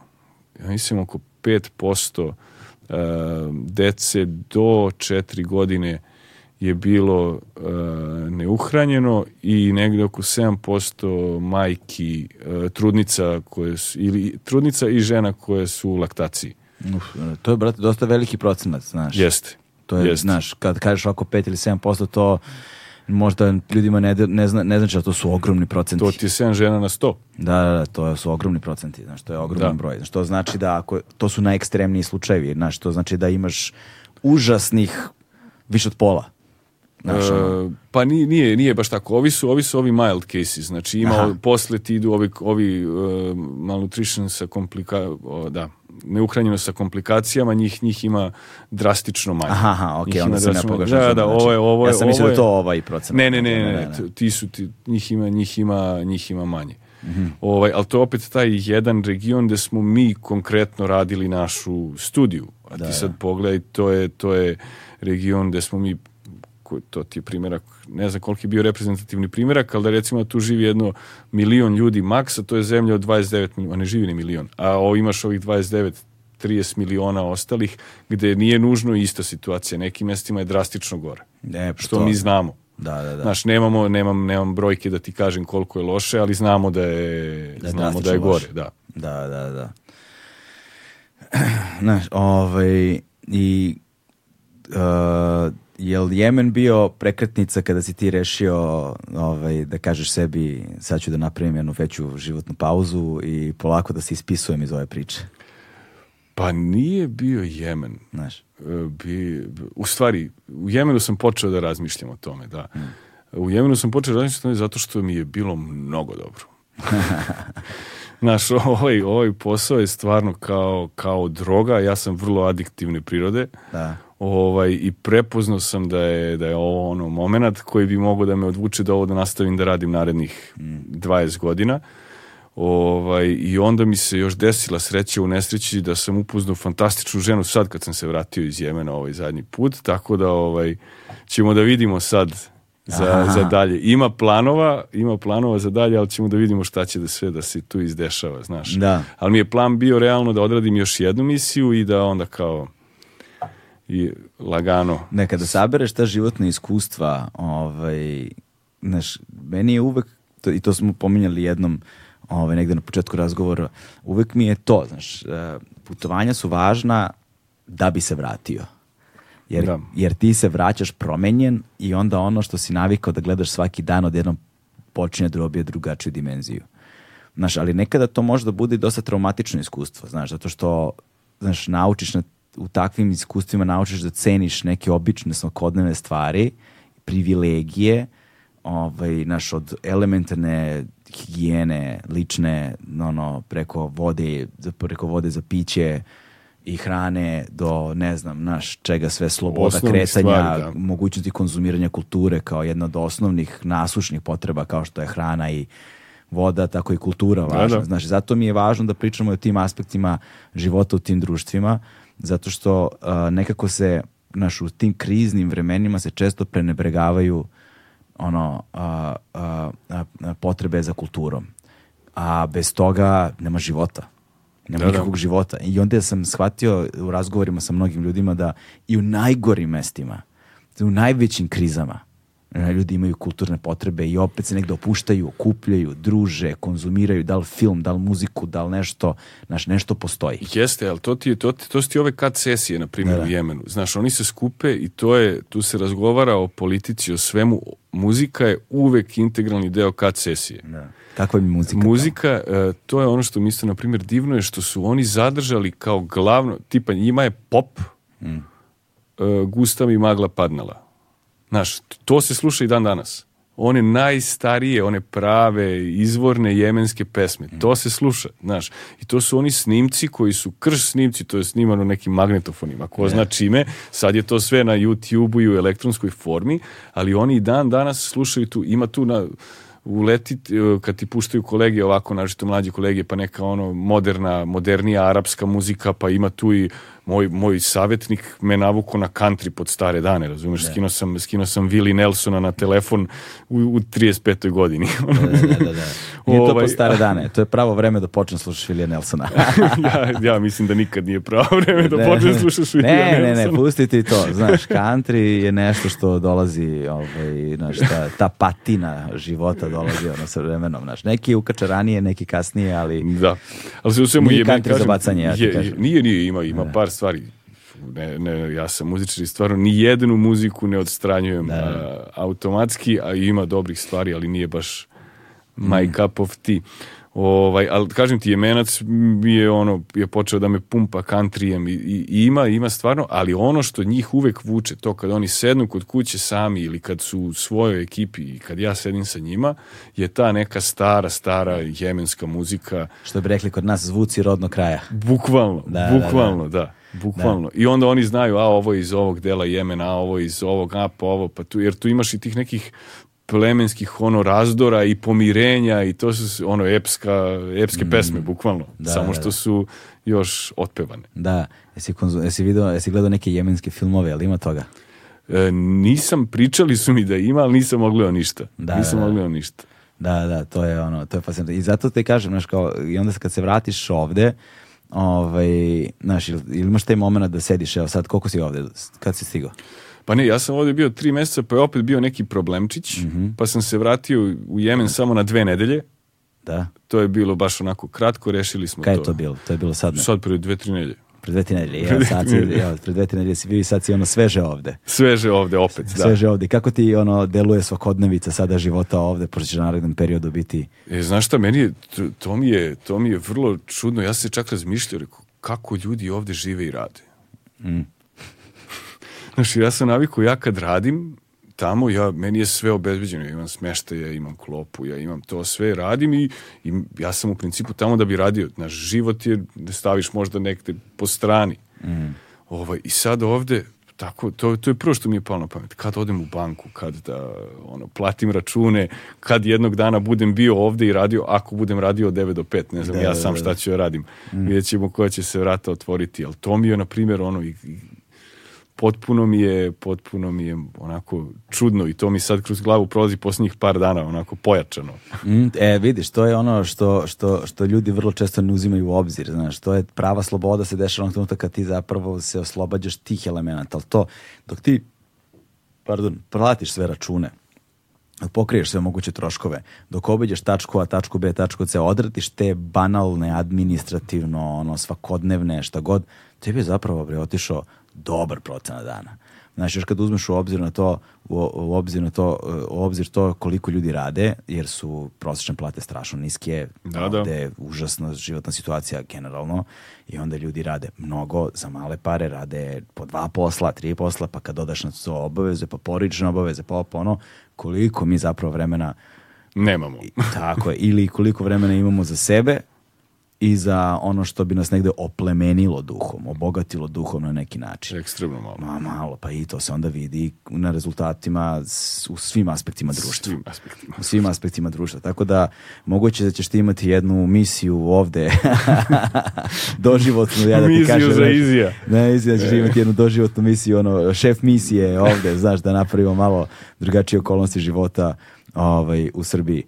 A, pa dobro, znaš, u svakom slučaju, ovaj, znaš, dragocen je, dragocen je taj uvid, jel te, znaš, kada se vratiš posle svega toga s druge strane, kao sedneš i posmetraš, kao, wow. Jeste, znaš. jeste. I, znaš šta, nešto što mi je, na primjer, isto jako interesantno, ja sam se ranije nekada, znači pre ovoga svega, smejao tuđim problemima. Znaš, kad je nekom nekome problem što mu puko nokat. Da. O, ovi ogromni problemi ljudi koje sam video, su me potpuno prebacili, možda zvuči malo kliše, znaš, svačiji problem je njegov najveći problem, znaš. Mm. I stvarno, ja sam sad počeo da razumijem da ovog ko mi je pukao nokat, ja to shvatim vrlo ozbiljno jebote. Da. da. Iako, baš zato što sam gledao ovog što možda nema vodu ili nema, nema hleba, jer zaista, znaš, dr drugačije živote živimo i drugačiji su nam problemi i ničiji problem ne bi trebao biti banalan čak ni ti neki koji nam zaista mm. deluju E, Deluju to je, da. potpuno da, banalno. Pa to je isto jedna, jedna faza, čini mi se, sazrevanja ljudskog. A, meni sada po, u ovim godinama polako počinje da postaje jasno da najgora stvar koja se nekome desila je najgora stvar koja se nekome Bukvalno. desila i ljudi to, imaju to.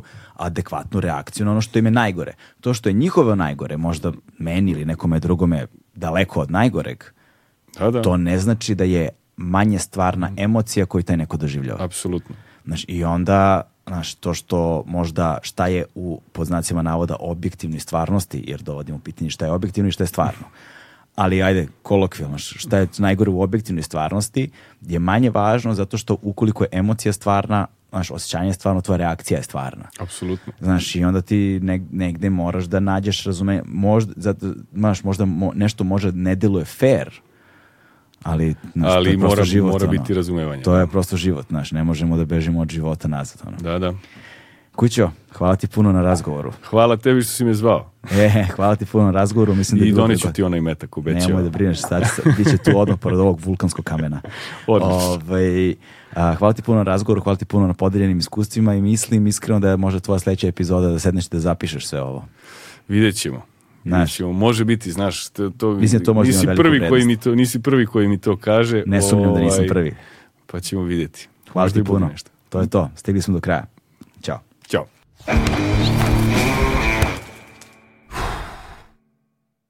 Hmm.